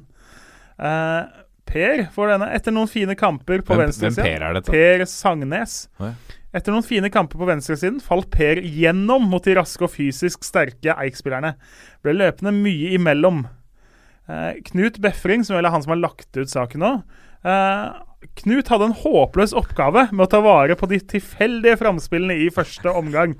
Eh, så det er mye, det er mye gullkorn her. Eh, Knallhard kritikk. ja, Samarbeidet med Henrik Gjesterudbakken fungerte ikke, og Bård var ofte for sent ute, både defensivt og offensivt. Står det noe positivt i det hele tatt? Ja, det, det er ingenting i veien med innsatsen til Roy. Men han får dessverre liten uttelling for arbeidet. så Nei, det er ikke så mye Keeperen får en ålreit en. Han redda straff og kunne Ja. Men, eh, Sto Erik Thorstvedt i mål for Eik? eh, det står bare laget til Raufoss. Eh, men 86, det kan Var vel Thorstvedt eh, litt seinere, var det ikke det? Kan stemme det, Eller- kanskje. Ja. Ja. Eh, nei, så det, det er litt gøy å se at uh, spillebørser på en måte eh, Jeg mener at spillebørsen nå til dags Det er jo litt som å tenke på et tall ofte. Eh, både VG-børsen og alt. Altså, lokalavisene pleier ofte å være ganske gode på egne lag. Ja. Eh, men så sitter det, ikke sant Ofte så sitter det en kar eh, og har litt peiling på hjemmelaget, og så kommer det elleve spillere på bortelaget, og han kjenner igjen de to-tre største profilene. Er du et av de største navnene og mest kjente ansiktene, så får du alltid bedre. Mm. Se f.eks. Ondrasek på Tromsø, som jo var en fyr du kjenner igjen. Er sikker på at han starta på en måte på en eh, firer, mens resten starta på en treer. For han, han la du merke til, og sånn er det tusen eksempler på. Dette er toppfotball. Og så har vi fått en eh, hyggelig e-post eh, til toppfotball at 451.no fra Erland Nørstebø. Hei, Erland. Hei, Erland. Uh, han vil gjerne sende Skal jeg bare lese det, eller? Han uh, Ja. Tenkte jeg bare skulle sende dere en liten statusoppdatering på fjerdedivisjon i Akershus. Samtidig invitere Jørgen eller en dere andre til Li førstkommende mandag. Da er det toppoppgjør og en mulig tidlig seriefinale. For Gjelleråsen spiller hjemme på Fort Li mot Jørgen. De spiller mot Kløfta. Kløfta. Han, han har peis! Og så kan vi jo da skyte inn at de møter da Blaker, som vi jo så vidt har snakka om. Blaker, ja. Eh, Det er neste hjemmekamp igjen. Det er verdt å ta seg en tur på Fort Lee de to neste Ja. kampene. Ja, Da må jeg jo si at Det skulle gjerne vært der, for det blir en bra kamp. Og det er jo ikke så altfor langt hjemmefra. Men det, jeg har lova bort, bort til et spennende foreldremøte i barnehagen Oi. eh, på samme tid. Så sånn er det hjemme, vet du. Når man uh, bruker en kveld i uka på å spille inn podkast, så må man man må gi og ta litt. Da går det utover da- antallet fjerdedivisjonskamper du får med deg. Ja, det, og det gjør vel at man kanskje må stille på et foreldremøte da. Så, Det er sant. Ja. Vi er glad for det. Uh, Erland sier i hvert fall at etter sommerferien har det skjedd mye. Gjelleråsen, Aurskog og Kløfta som kjemper i toppen har alle vært i vinden. Jeg har tidligere nevnt at eh, Gjelleråsen har vært ubeseiret hjemme siden høsten 2015. Den statistikken røyk når Strømmen 2 kom med særdeles toppa lag til bortekampen på Li. Det er bittert på Gjelleråsen. Tilbake til andre Vi skal vel ikke Ja. ta andrelagsdiskusjonen nå? Nei, vi trenger ikke det. Og det men eh, kan jo bare skyte i rassen at eh, for all strømmen kommer vel med et veldig veldig sterkt lag mot Aurskog Høland eh, runden etter, eller to runder etter òg. Ja. Til slutt, jeg kan uh, ta med det, det er jo en interessant kuriositet som vi har snakket om før. At uh, Gjelleråsen stiller jo med kjente fotballsønner som Kaasa og, uh, og Berg. Mhm. Mm, og Kaasa bøtter inn i fjerde div, eh, Jørgen. Ja da, en eh, ordentlig målsnik der. Eh, Ligner på far sin. var, var vel ønska av Lyn, jeg vet ikke hva han het, det. Var det i sommer. valgte å bli i dag. så det skal bli veldig spennende. Eh, vi får snakke om dette etterpå. Jeg har litt, eller seinere i høst. Jeg har litt tanker om at jeg tror disse klubbene som rykker opp på fjerde, fra fjerdedivisjon, skal få det beintøft i tredjedivisjon. Eh, Ja. Den får vi ta seinere. Men at Gjelleråsen er et veldig veldig godt fjerdedivisjonslag, det er det ingen tvil om. Og så skal det da bli spennende å se hvor langt det kan ta dem neste år, da. Hvis og kanskje når det blir opprykk nå. Jeg må jo få lov å nevne noe med Lyn, da, når eh, du først nevner det. det min gode kollega som vi så vidt var innom i stad, Joakim Wester Andersen, han er jo eh, Lyn eh, glad i Lyn. Ja. Og de møtte jo Stabæk 2 her nå eh, på Stabæk kunstgress 3. Så det er jo litt Gått trist. nedover. Er gått litt nedover. Ja. Eh, han omtalte kampen i følgende variant. Det var 90-10 eh, ballinnehav til Stabæk. eh, 19-1 i skudd på mål, og Lyn vant 1-0. Shit. Og med det så er Lyn fortsatt i kampen om å klare opprykket, da. Så de må jo gjøre jobben, men eh, ja. Det så visst litt sykt ut der. De er vel ikke bare i kampen. Det var jo De to lagene lå jo helt likt Mm. eh, i toppen før kampen. Og så har Eidsvoll-turen vunnet en haug av kamper på rad, sånn at de har kommet opp i ryggen. Så eh, Lyn gikk jo da fra å på en måte sitte på eh, som to i førersetet til at de dytta Stabæk bort, i- bort i passasjersetet isteden. En sånn sekspoengerskamp, med andre ord. Yes. Ja. Hvis dere finner tid, i hvert fall. På mandag så er det kamp mellom Gjelleråsen og Kløfta på Fort Li. Eh, Erland sier at han byr på kaffe og vafler, og gratis eh, inngang. Uh, avslutt med 'Vi er en fin gjeng, ha det bra'. Det er hyggelig. Det er deilig. Ja. Uh, Erland, jeg skal selv spille og forsvare Ørnens ære mot BI Athletics, så jeg kan eh, ikke stille Men der. Bunnkamp i syvende divisjon. Apropos Ørn Christiania. Jeg har jo en bror som spiller for Bekkelaget 2. Har, Ja, dere, har, dere, har dere møtt dem nylig? Ja, vi møtte de nå på mandag. Ja, Hvordan gikk det? Uh, det gikk uh, bra for Bekkelaget. Ja, det ble, det ble bare 8-1, så det var vel en litt Tilsvarende resultat som i vårsesongen. Ja, såpass var det. Jeg er eh, høyre- og venstreback. Ja, riktig. Ja, så det, Hvor Det kan være litt av problemet til laget at samme fyr spiller høyre og venstreback, eller gjør du det ikke samtidig, eller hvordan? ja, vi prøvde å bytte plass på meg, men Ja. det, det hjalp ikke. Det hjalp ikke. Det var et par mål som kom inn på høyresiden, det er helt riktig. Det er bare det, det var det jeg ville fram til. Ja. Vi tok ledelsen 1-0 og gikk på De kom knallsterkt tilbake, kan vi si, da. Bekkelaget 2. Snudde kampen der, altså. Dette er toppfotball. Så skal vi se nærmere på eh, våre kommende landskamper. La oss begynne med A, og la oss begynne med Norge-Aserbajdsjan 1.9. Jeg så en lytter som la ut på Twitter med et spørsmål. Blir dette den minst besøkte eh, landskampen på ti år? I hvert fall kvalifiseringskampen er det vel, uten å vite hvor mange billetter som er solgt, så er det vel den minst interessante kvalifiseringskampen vi har spilt på Ullevål på svært lenge. Jeg har lyst til å Eh, rette den, ta opp den uh, diskusjonen. Det kan vi gjøre senere. Hvorfor i all verden flytter vi ikke landslagets kamper rundt? Ja. Jeg skjønner ikke hva som ligger bak. Og man snakker om at vi skal beholde Ullevål som nasjonalarena. Hva er det verdt? Jeg fatter det ikke. Det fremste argumentet er vel at eh, Du sa vi skulle ta det seinere, men jeg tar det nå, jeg. Ja, Eh, det er vel litt sponsoravtaler og litt sånn, altså folk som har betalt for eh, på en måte losjeplasser og sånn for firmaet Men så sitt. si det, da. Kan vi litt- ikke bare få et ja, ærlig Det har i hvert fall vært ett argument før, da, som gjør Ja. at uh, har du betalt på en måte for alle kvalkampene til 2020 for firmaet ditt, da, så er det litt kjipt om kampene plutselig blir flytta til Bodø eller Trondheim. Så, Det er billig eh, sagt, altså. men bortsett fra det, så er jeg for øvrig helt enig med deg. At eh, i hvert fall prøve å flytte noen kamper og se hvordan det er. Og det gjør jo f.eks. lag som Spania og Italia. eh, flytter jo rundt i ett sett. De er- har jo nesten gjort det til en prestisjesak og fylle fyller flest mulig arenaer, eh, virker det som. Til å sp altså, spille en kamp i, i eh, Tromsø, i Bodø. Kanskje, altså, Jeg er vel ikke helt enig med at vi skal velge Alfheim og Aspmyra som uh, kvalikarenaer på kunstgresset er der. Men altså, du har Brann stadion. Ja. eh, du har Lerkendal. Mm. Du, for så vidt du har uh, Viking stadion. Og så har du i hvert fall de, de tre der, da. Store Molde. norske byer. Mm. Uh, ja, Ikke stor nok by. Nei, stadion. Ja, Finnok stadion, men igjen tilbake til kunstgresset, da. Men Ja. kanskje vi i hvert fall velge de tre, da. Mm. Sammen med Ullevål, som at det skal rullere litt. Jeg tror du lettere fyller Lerkendal mot Aserbajdsjan Ja. eller Brann stadion mot Aserbajdsjan enn du gjør Ullevål. Eh, og det, og det, det, det flytter fotballen og landslagsfotballen ut i eh, landet. Tenk s- plutselig i Kristiansand, om de har fått Ja, eh, landslaget på besøk. eh, Kristiansand. Jeg vant til. Obos-fotball. ja, ja, det hadde vært stort, ikke sant. Eh, husker jo sjøl da jeg vokste opp i Valdres. Første landskampen min var Drillos 6-1-debut mot Kamerun på Bislett. Ja.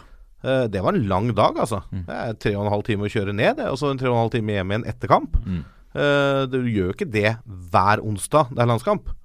Eh, så flytt det ut. Få det ut i landet, og få det ut til folket. Det, det tror jeg. Ja, Få opp engasjementet litt. Ja, det tror jeg det hadde gjort. Fått opp engasjementet.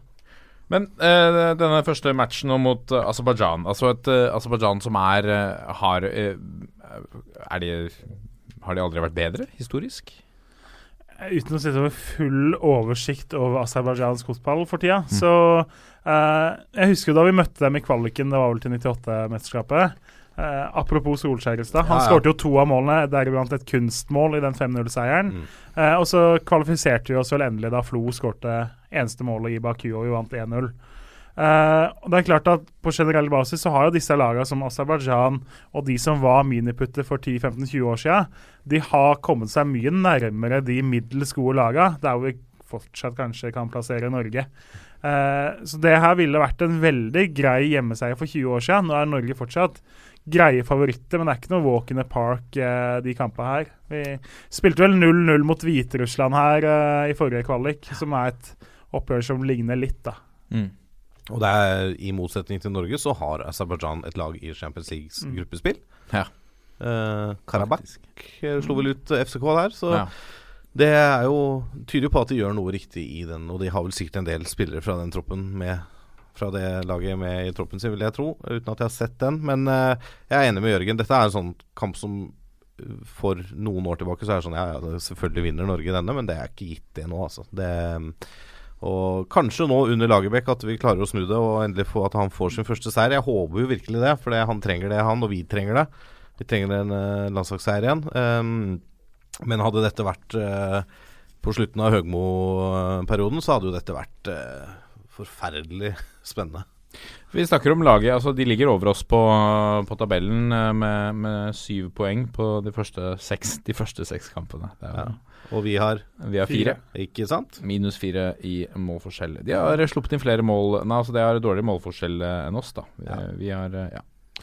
Det er ikke noe eh, De har eh, tre, skåret tre mål på, på seks kamper.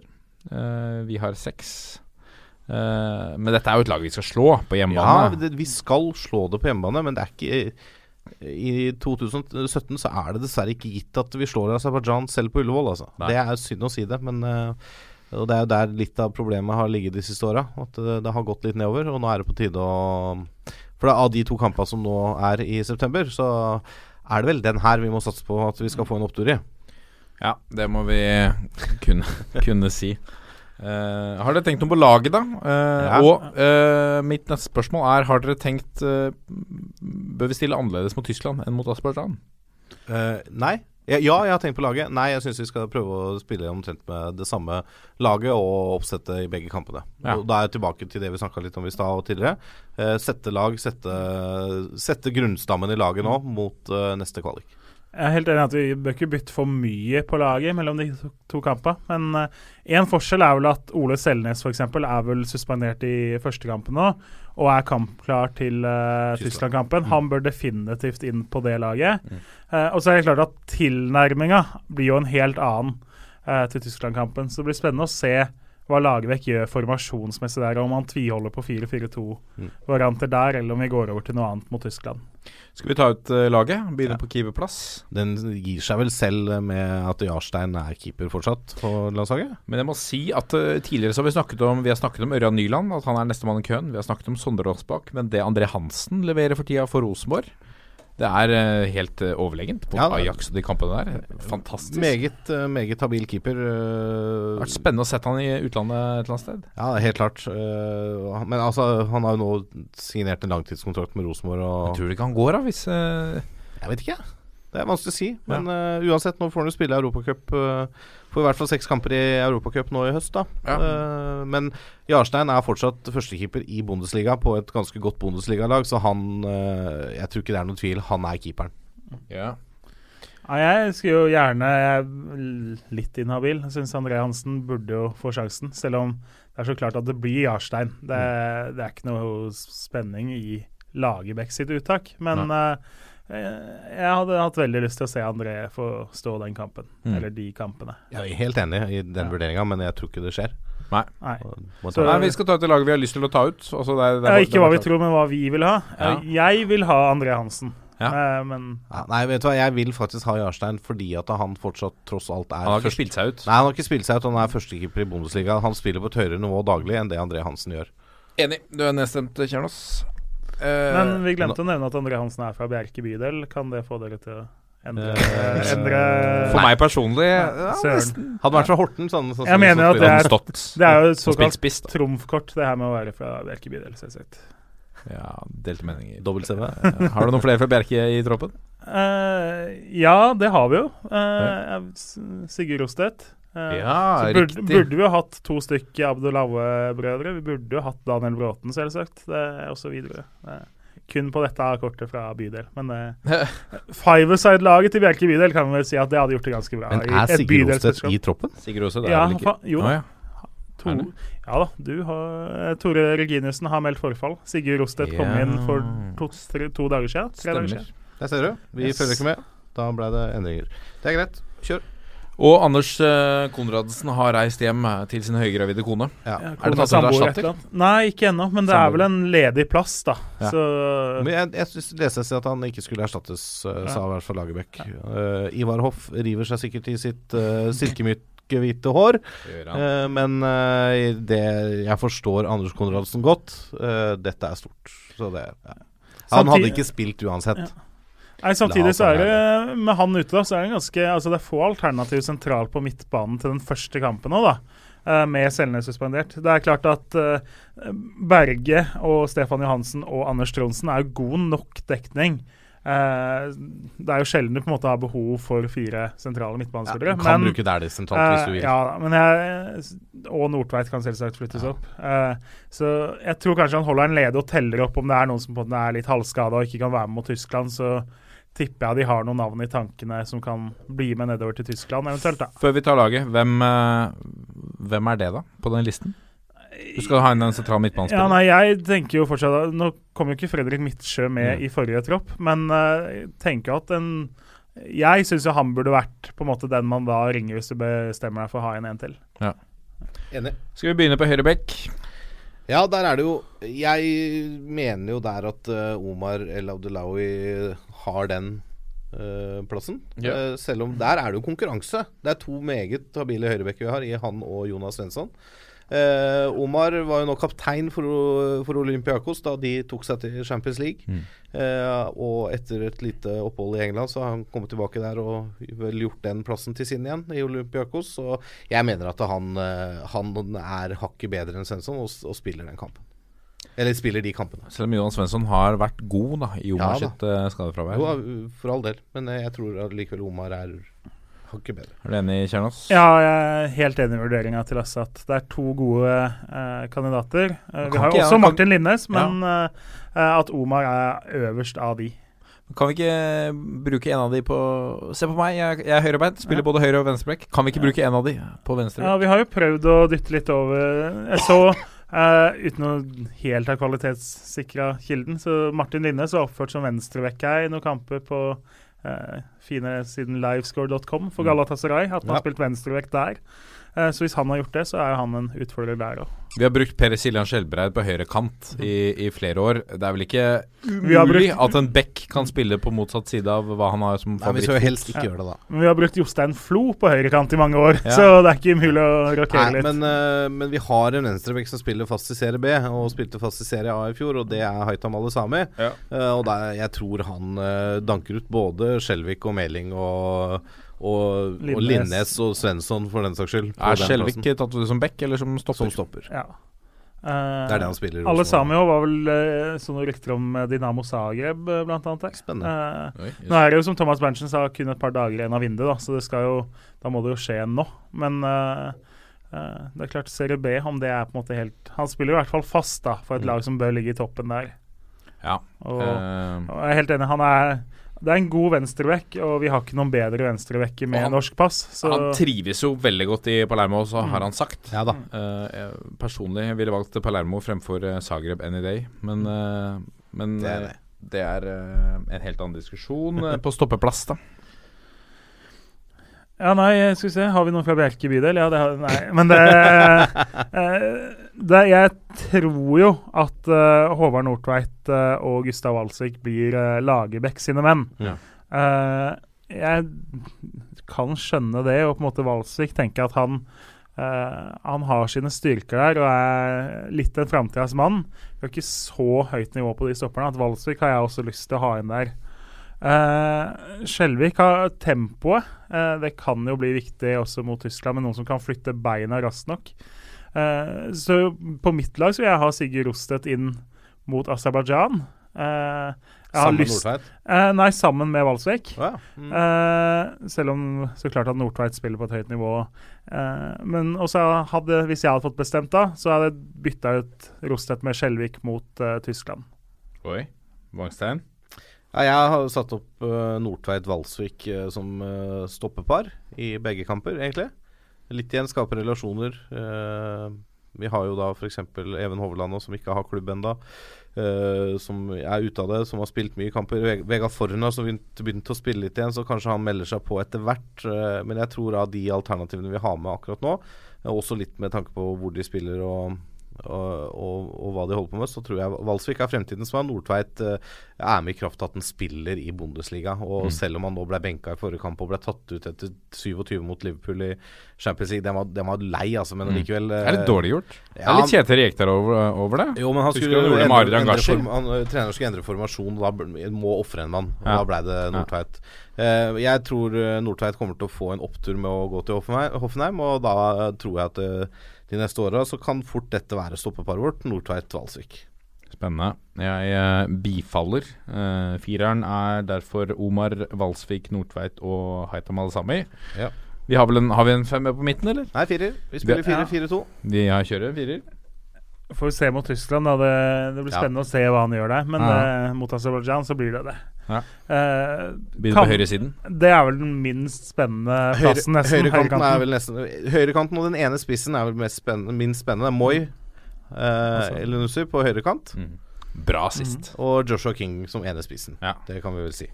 Eh, sentralt på midten er vi, vi har, Jørgen var så vidt innom det. Jeg tror Sander Berge tar den ene plassen.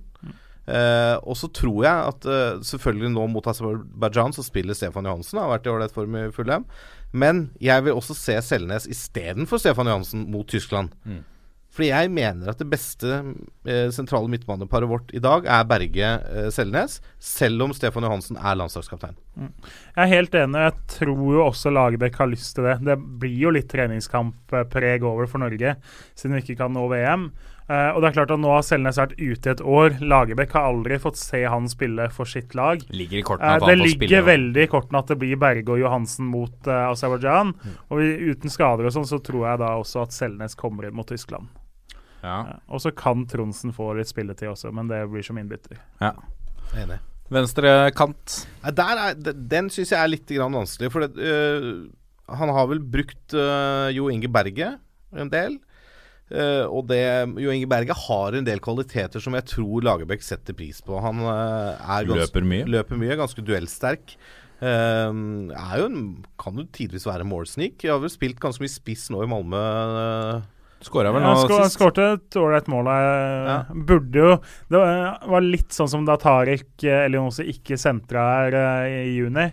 Eh, kom Kliss alene, kunne bare trilla ballen litt halvhardt til høyre, så hadde en medspiller fått åpent mål. Men eh, Jo Inge Berger satt ballen mellom beina på IFK og keeperen, så da Da går det det ikke an å ingen kla- som, da eh, går det ikke an å klage. Ingen som slakter han på Twitter Nei. da etterpå? Nei, det er ikke det. Men uh, Så det, det står jo mellom han og Mats Møller. Det er de.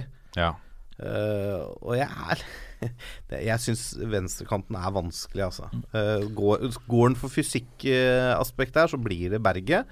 Går den for å ha én sånn spiller som kan gjøre det litt uventa på egen hånd og drible han om mann og holde litt på kula, så velger han Dæhlie. Så det er Vi har vel sett når de kommer inn, eh, at han kan endre et kampbilde, på en måte. Kanskje det er en fin joker å ha på banen, for du har en Moi som er litt lik på andre siden. Ja, jo, på, én en måte kanskje litt lik, men uh, å, sette inn Dæhlie mot uh, folk som har spilt 70 minutter, da, Mm. det er jo kjempedeilig. Mm. For det, det er som du sier, da kan du snu et kampbilde.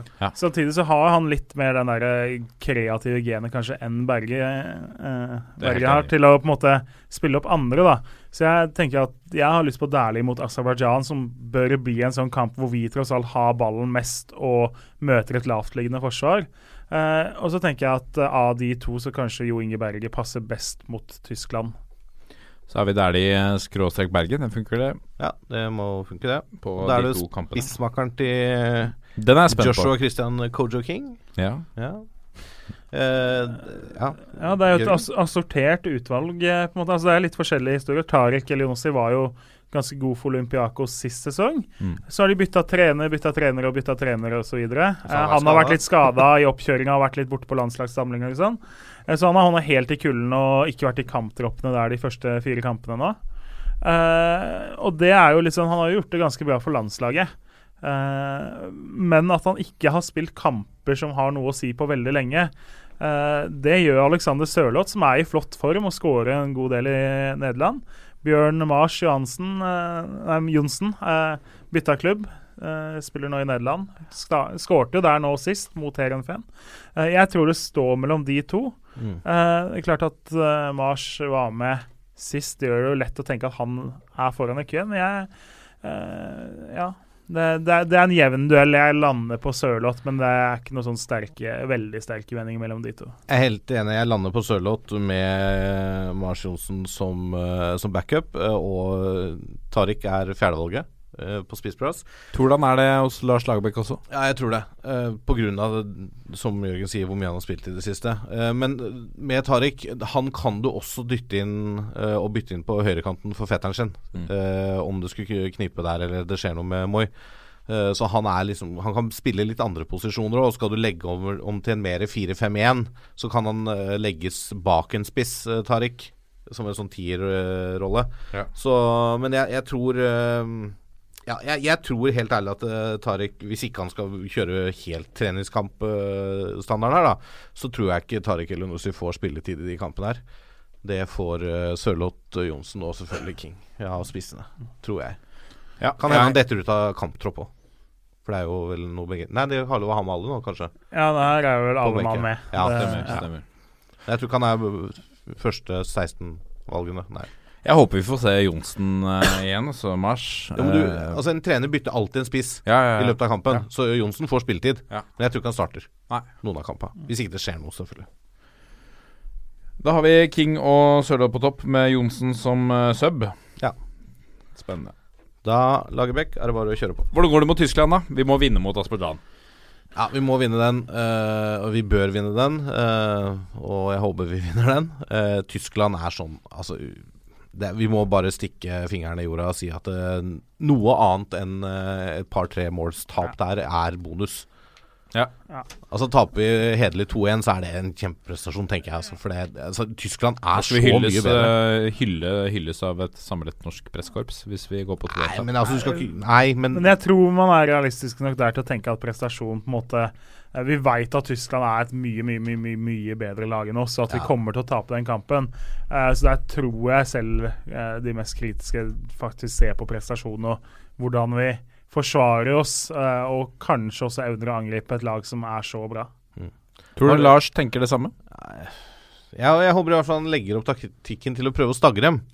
Ja, for det er forskjell her. Skal du legge opp taktikken for å prøve å få et resultat, eller skal du prøve å Ja, men Hvis du legger den opp for å stagge dem, så gjør du det for å få et resultat. Ja. Altså Får du en uavgjort borte mot Tyskland, så er Kjempebra. det en kjempeprestasjon. Ja, ja, Eh, men selvfølgelig, du må prøve å skåre mål eller to òg. Ja. Men altså Tyskland, hva, hva var det de sendte C-laget til Confederations Cup og gjorde det vel helt greit. Ja. Ikke sant? Så De har jo en bredde på det A-lagsnivået der som er helt sinnssyk. Og de, det, er, altså, det er ikke én spiller i den tyske troppen som er eh, dårligere enn noen i vår tropp. Du kan jo sette det litt på spissen og si at oi, nå er keeperen til Bayern München, også verdens beste keeper, skada. Så da er det bare keeperen til Barcelona som eh, kommer inn isteden. Ja, ikke sant? Det er perspektivet uh, vi har. Uh, vi må gå videre til unggutta. Uh, U21 møter eh, Kosovo og Israel. Eh, eh, Kosovo-Norge spilles 1.9., altså én time og tre kvarter eh, før våre eldste menn. Ja. Eh, det er litt spesielt at de spiller samme dag. Pleier ikke det å være en dag i forveien? Ja, det har vel variert litt, litt de, de, de siste årene, i hvert fall. Ja. Før så var det jo gjerne at U21 spilte dagen før A-landslaget, Mm. og så kunne du sende over en spiller, f.eks. Det har jo også skjedd, men jeg tror ikke Nei, jeg tror ikke det har så mye å si. Det er vel ingen på det U21-landslaget nå som er aktuelle til å ta en plass i A-troppen eh, til en av disse kampene uansett, for nå skal de spille sin kvalik, og da har de tatt ut de spillerne de har. Ja. La oss begynne med, med keeperplassen der også. Det er vel ingen uh, overraskelse. Nei, Det blir jo Sondre Rossbakk fra Odd uh, som er førstekeeper, og Bråtveit fra Haugesund er reservekeeper, så det, det er vel ganske grei, greit valg. Ja, sånn blir det jo, men jeg syns Bråtveit uh, har utvikla seg fryktelig. Jeg, Absolutt. Eh, Det er synd at det er så god kamp. Ja, Jeg holdt på å si Det er to uh, unge keepere som har fått mye erfaring i ung alder fra gode lag i Eliteserien. Eh, og det er jo en enorm styrke med tanke på framtida og hvor viktig det er for spillere, og også spesielt keepere, å få matching. Mm. Jeg tror begge to kommer til å nyte godt av det uh, i løpet av karrieren. At de så unge har fått eh, prøve seg på så bra nivå. Og det, Jeg syns Bråtveit har bra, vært så bra og såpass stabil at eh, hvis vi skulle tatt ut lag her òg, så hadde det vært spennende med et skifte, men det blir Rossbakk som eh, eh, vi sier her. Ja. Høyre bekk, da? Der tror jeg at det blir Erlend Dahl Reitan. Mm. Fra Glimt leid ut fra Rosenborg? Ja, leide fra Rosenborg. Eh, Julian Ryerson eh, har jo spilt litt overalt for Viking. Han starta på høyrebekken forrige kamp mot Kosovo. Eh, tror han er foran i køen, jeg, da.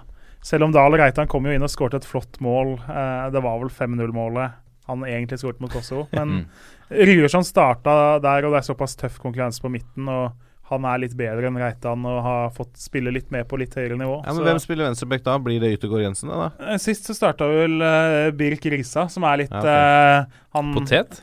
Han er vel egentlig spiss uh, i klubblaget, og mm. avslutta vel også på topp uh, der. Så men det er klart, som Lasse påpeker, det er ikke noen naturlige venstrebacker ellers Nei, jeg, jeg, jeg satt Ryerson som venstreback, jeg, da, ja. på mitt lag. Ja. Ja um, hvem har du på høyrebekk, da? Du har Reitan? Jeg har Reitan på høyre og Ryerson på venstre. Ja, jeg bifaller. Reitan høyre og Ryerson venstre. Sorry, Kjernos. Jeg har ikke noe imot det, altså. Og så, under forutsetning at han da har sonet karantenen sin, så spiller Kristoffer Ayer på den ene stoppeplassen. Ja, har han sonet denne karantenen? Ja, det er jo det. det altså, vi kan jo spøke med det, men nå må man jo faktisk sjekke grundig om det at den kampen her blei strøket på en måte resultatet sist. Er det godt nok til at karantenen er ferdigsona? Det er den jo høyst sannsynlig, men Uh, den kampen lærte vi vel oss at vi skal ikke anta vi skal vite. Kjære, kjære Norges Fotballforbund. Ta en telefon til Uefa og sjekk dette før kampstart på fredag. Svært Takk for oss. En henstilling til hele norske folk også. Vær så snill å følge med på landslagsspillerne heretter, sånn at vi er sikre på at vi kan stille med alle de Og ring. Ring, ring opp, mann. Gjør det, gjør det. Så er det den andre stoppeplassen. Da. Der, ja. der er det jo Altså, du har Ulrik Yttergård Jensen, som kan spille stopper. Uh, som jeg syns er en uh, habil spiller. Uh, men så har du Fredrik Pallesen Knutsen fra Haugesund, som har vært meget bra i det siste. Så jeg tror det blir Pallesen Knutsen som danner stoppeparet med Ayer. Ja. Jeg, jeg, håper det. Ja, jeg håper det òg, da. Jeg er helt enig. Jeg syns han var glimrende i Haugesund-sesongen der. Og nå, hvis ikke Kåre Ingebrigtsen visste hvem han var da de tapte for Haugesund i Haugesund, så vet han det i hvert fall etter den kampen på Lerkendal. For der eh, Bruno Leite var kjempegod, og Pallesen Knutsen var like god. Så han sto fram der og har vært en bauta for Haugesund. Han har jo Bentner i baklomma fortsatt. Så det er jo greit. Ja. Og så tror jeg da at uh, U21-landslaget spiller en mer 4-5-1, 4-2-3-1-formasjon. Ja, for det er bra med folk på midtbanen. Ja, det er veldig mye midtbanespillere her, og da er det jo kjempegøy å se hvem, hvem plukker ut. Martin Ødegaard er nok uh, høyrekant, ja. tror jeg. Jeg tror Thorsby spiller eh, sentralt offensivt. Verdt å melde også at Samuelsen har meldt forfall, og ja. Mathias Rasmussen fra FC Nordsjælland er hentet inn. Ja, Men jeg tror verken Samuelsen eller Rasmussen starter. Uh, Samuelsen hadde ikke starta om han hadde vært i, vært i troppen, tror Nei. jeg. Uh, og Signini, uh, venstrekant.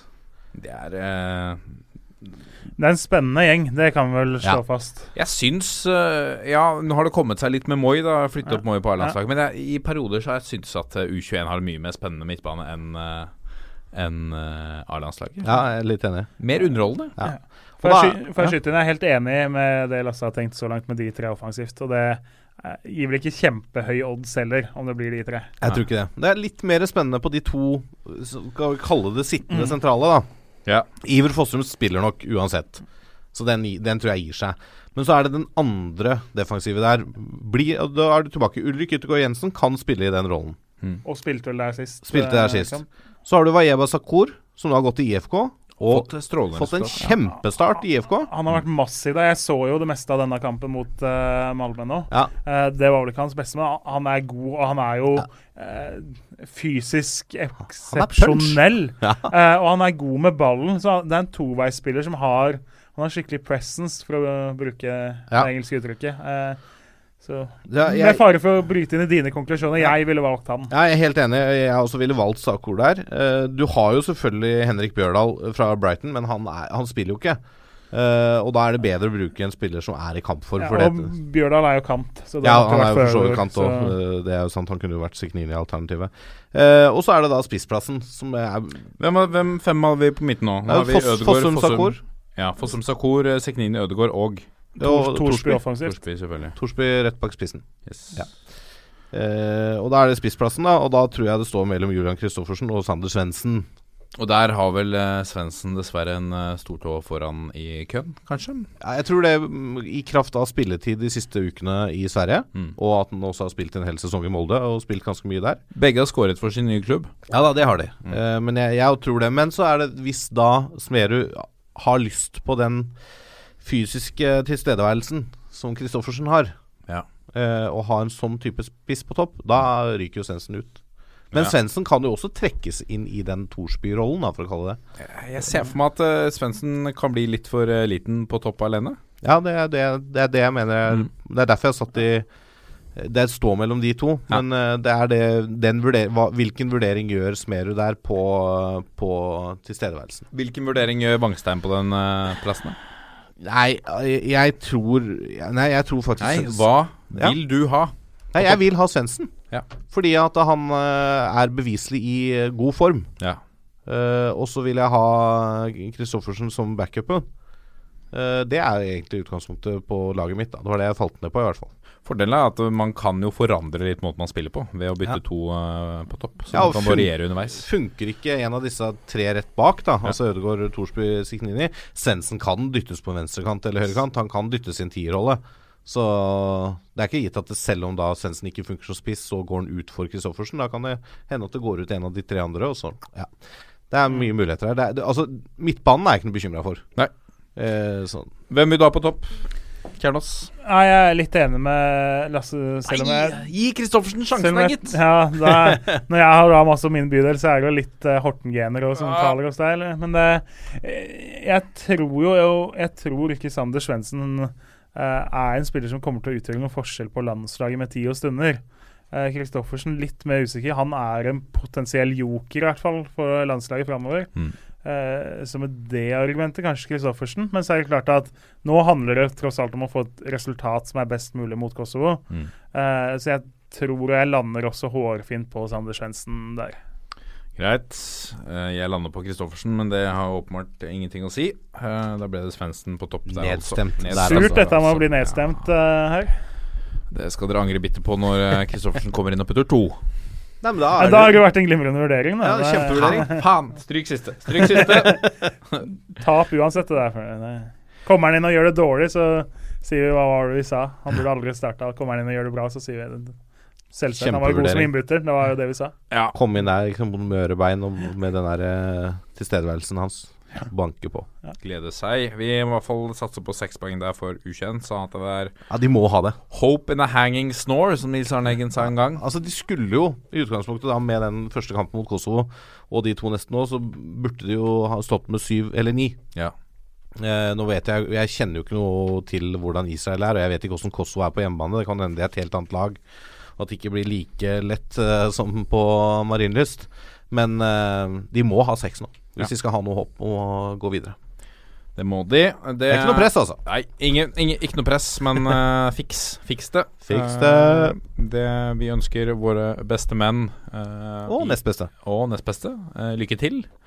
Eh, I helgens matcher så gleder vi oss eh, også til det er nye eliteserierunde.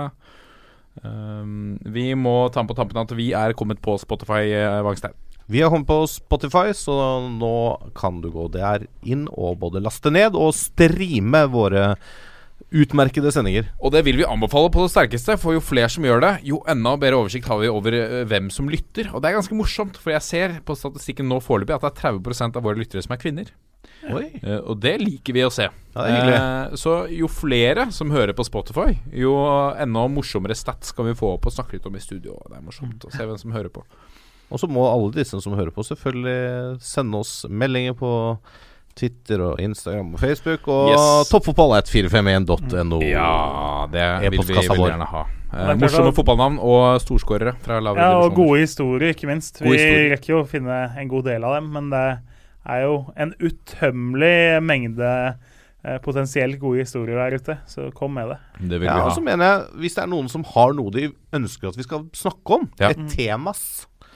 Kom med det. Altså, vi er jo åpne for, øh, for det, vi. Eh, hvis noen mener vi snakker veldig mye om Vålerenga, så tar vi til oss det, og så kan vi snakke om noe annet. Vi bare kom med et temas. Gode, gode innspill lytter vi på, definitivt. Ja, Dårlig innspill uh, lever jeg. Alle er med Vi, ja, vi, ja, vi lytter jo på alle innspill, men så uh, Ja. Vi, mange av dem drar vi jo fram med ukentlig òg, på en måte, av tilbakemeldinger og innspill til gjester og sånn. Så det, Absolutt. kom med det. Og Skal vinneren er med Altså, alle innspill er med i trekningen av en Toyota Yaris Ja, eh, fra Håvard Lilleheie. Ja.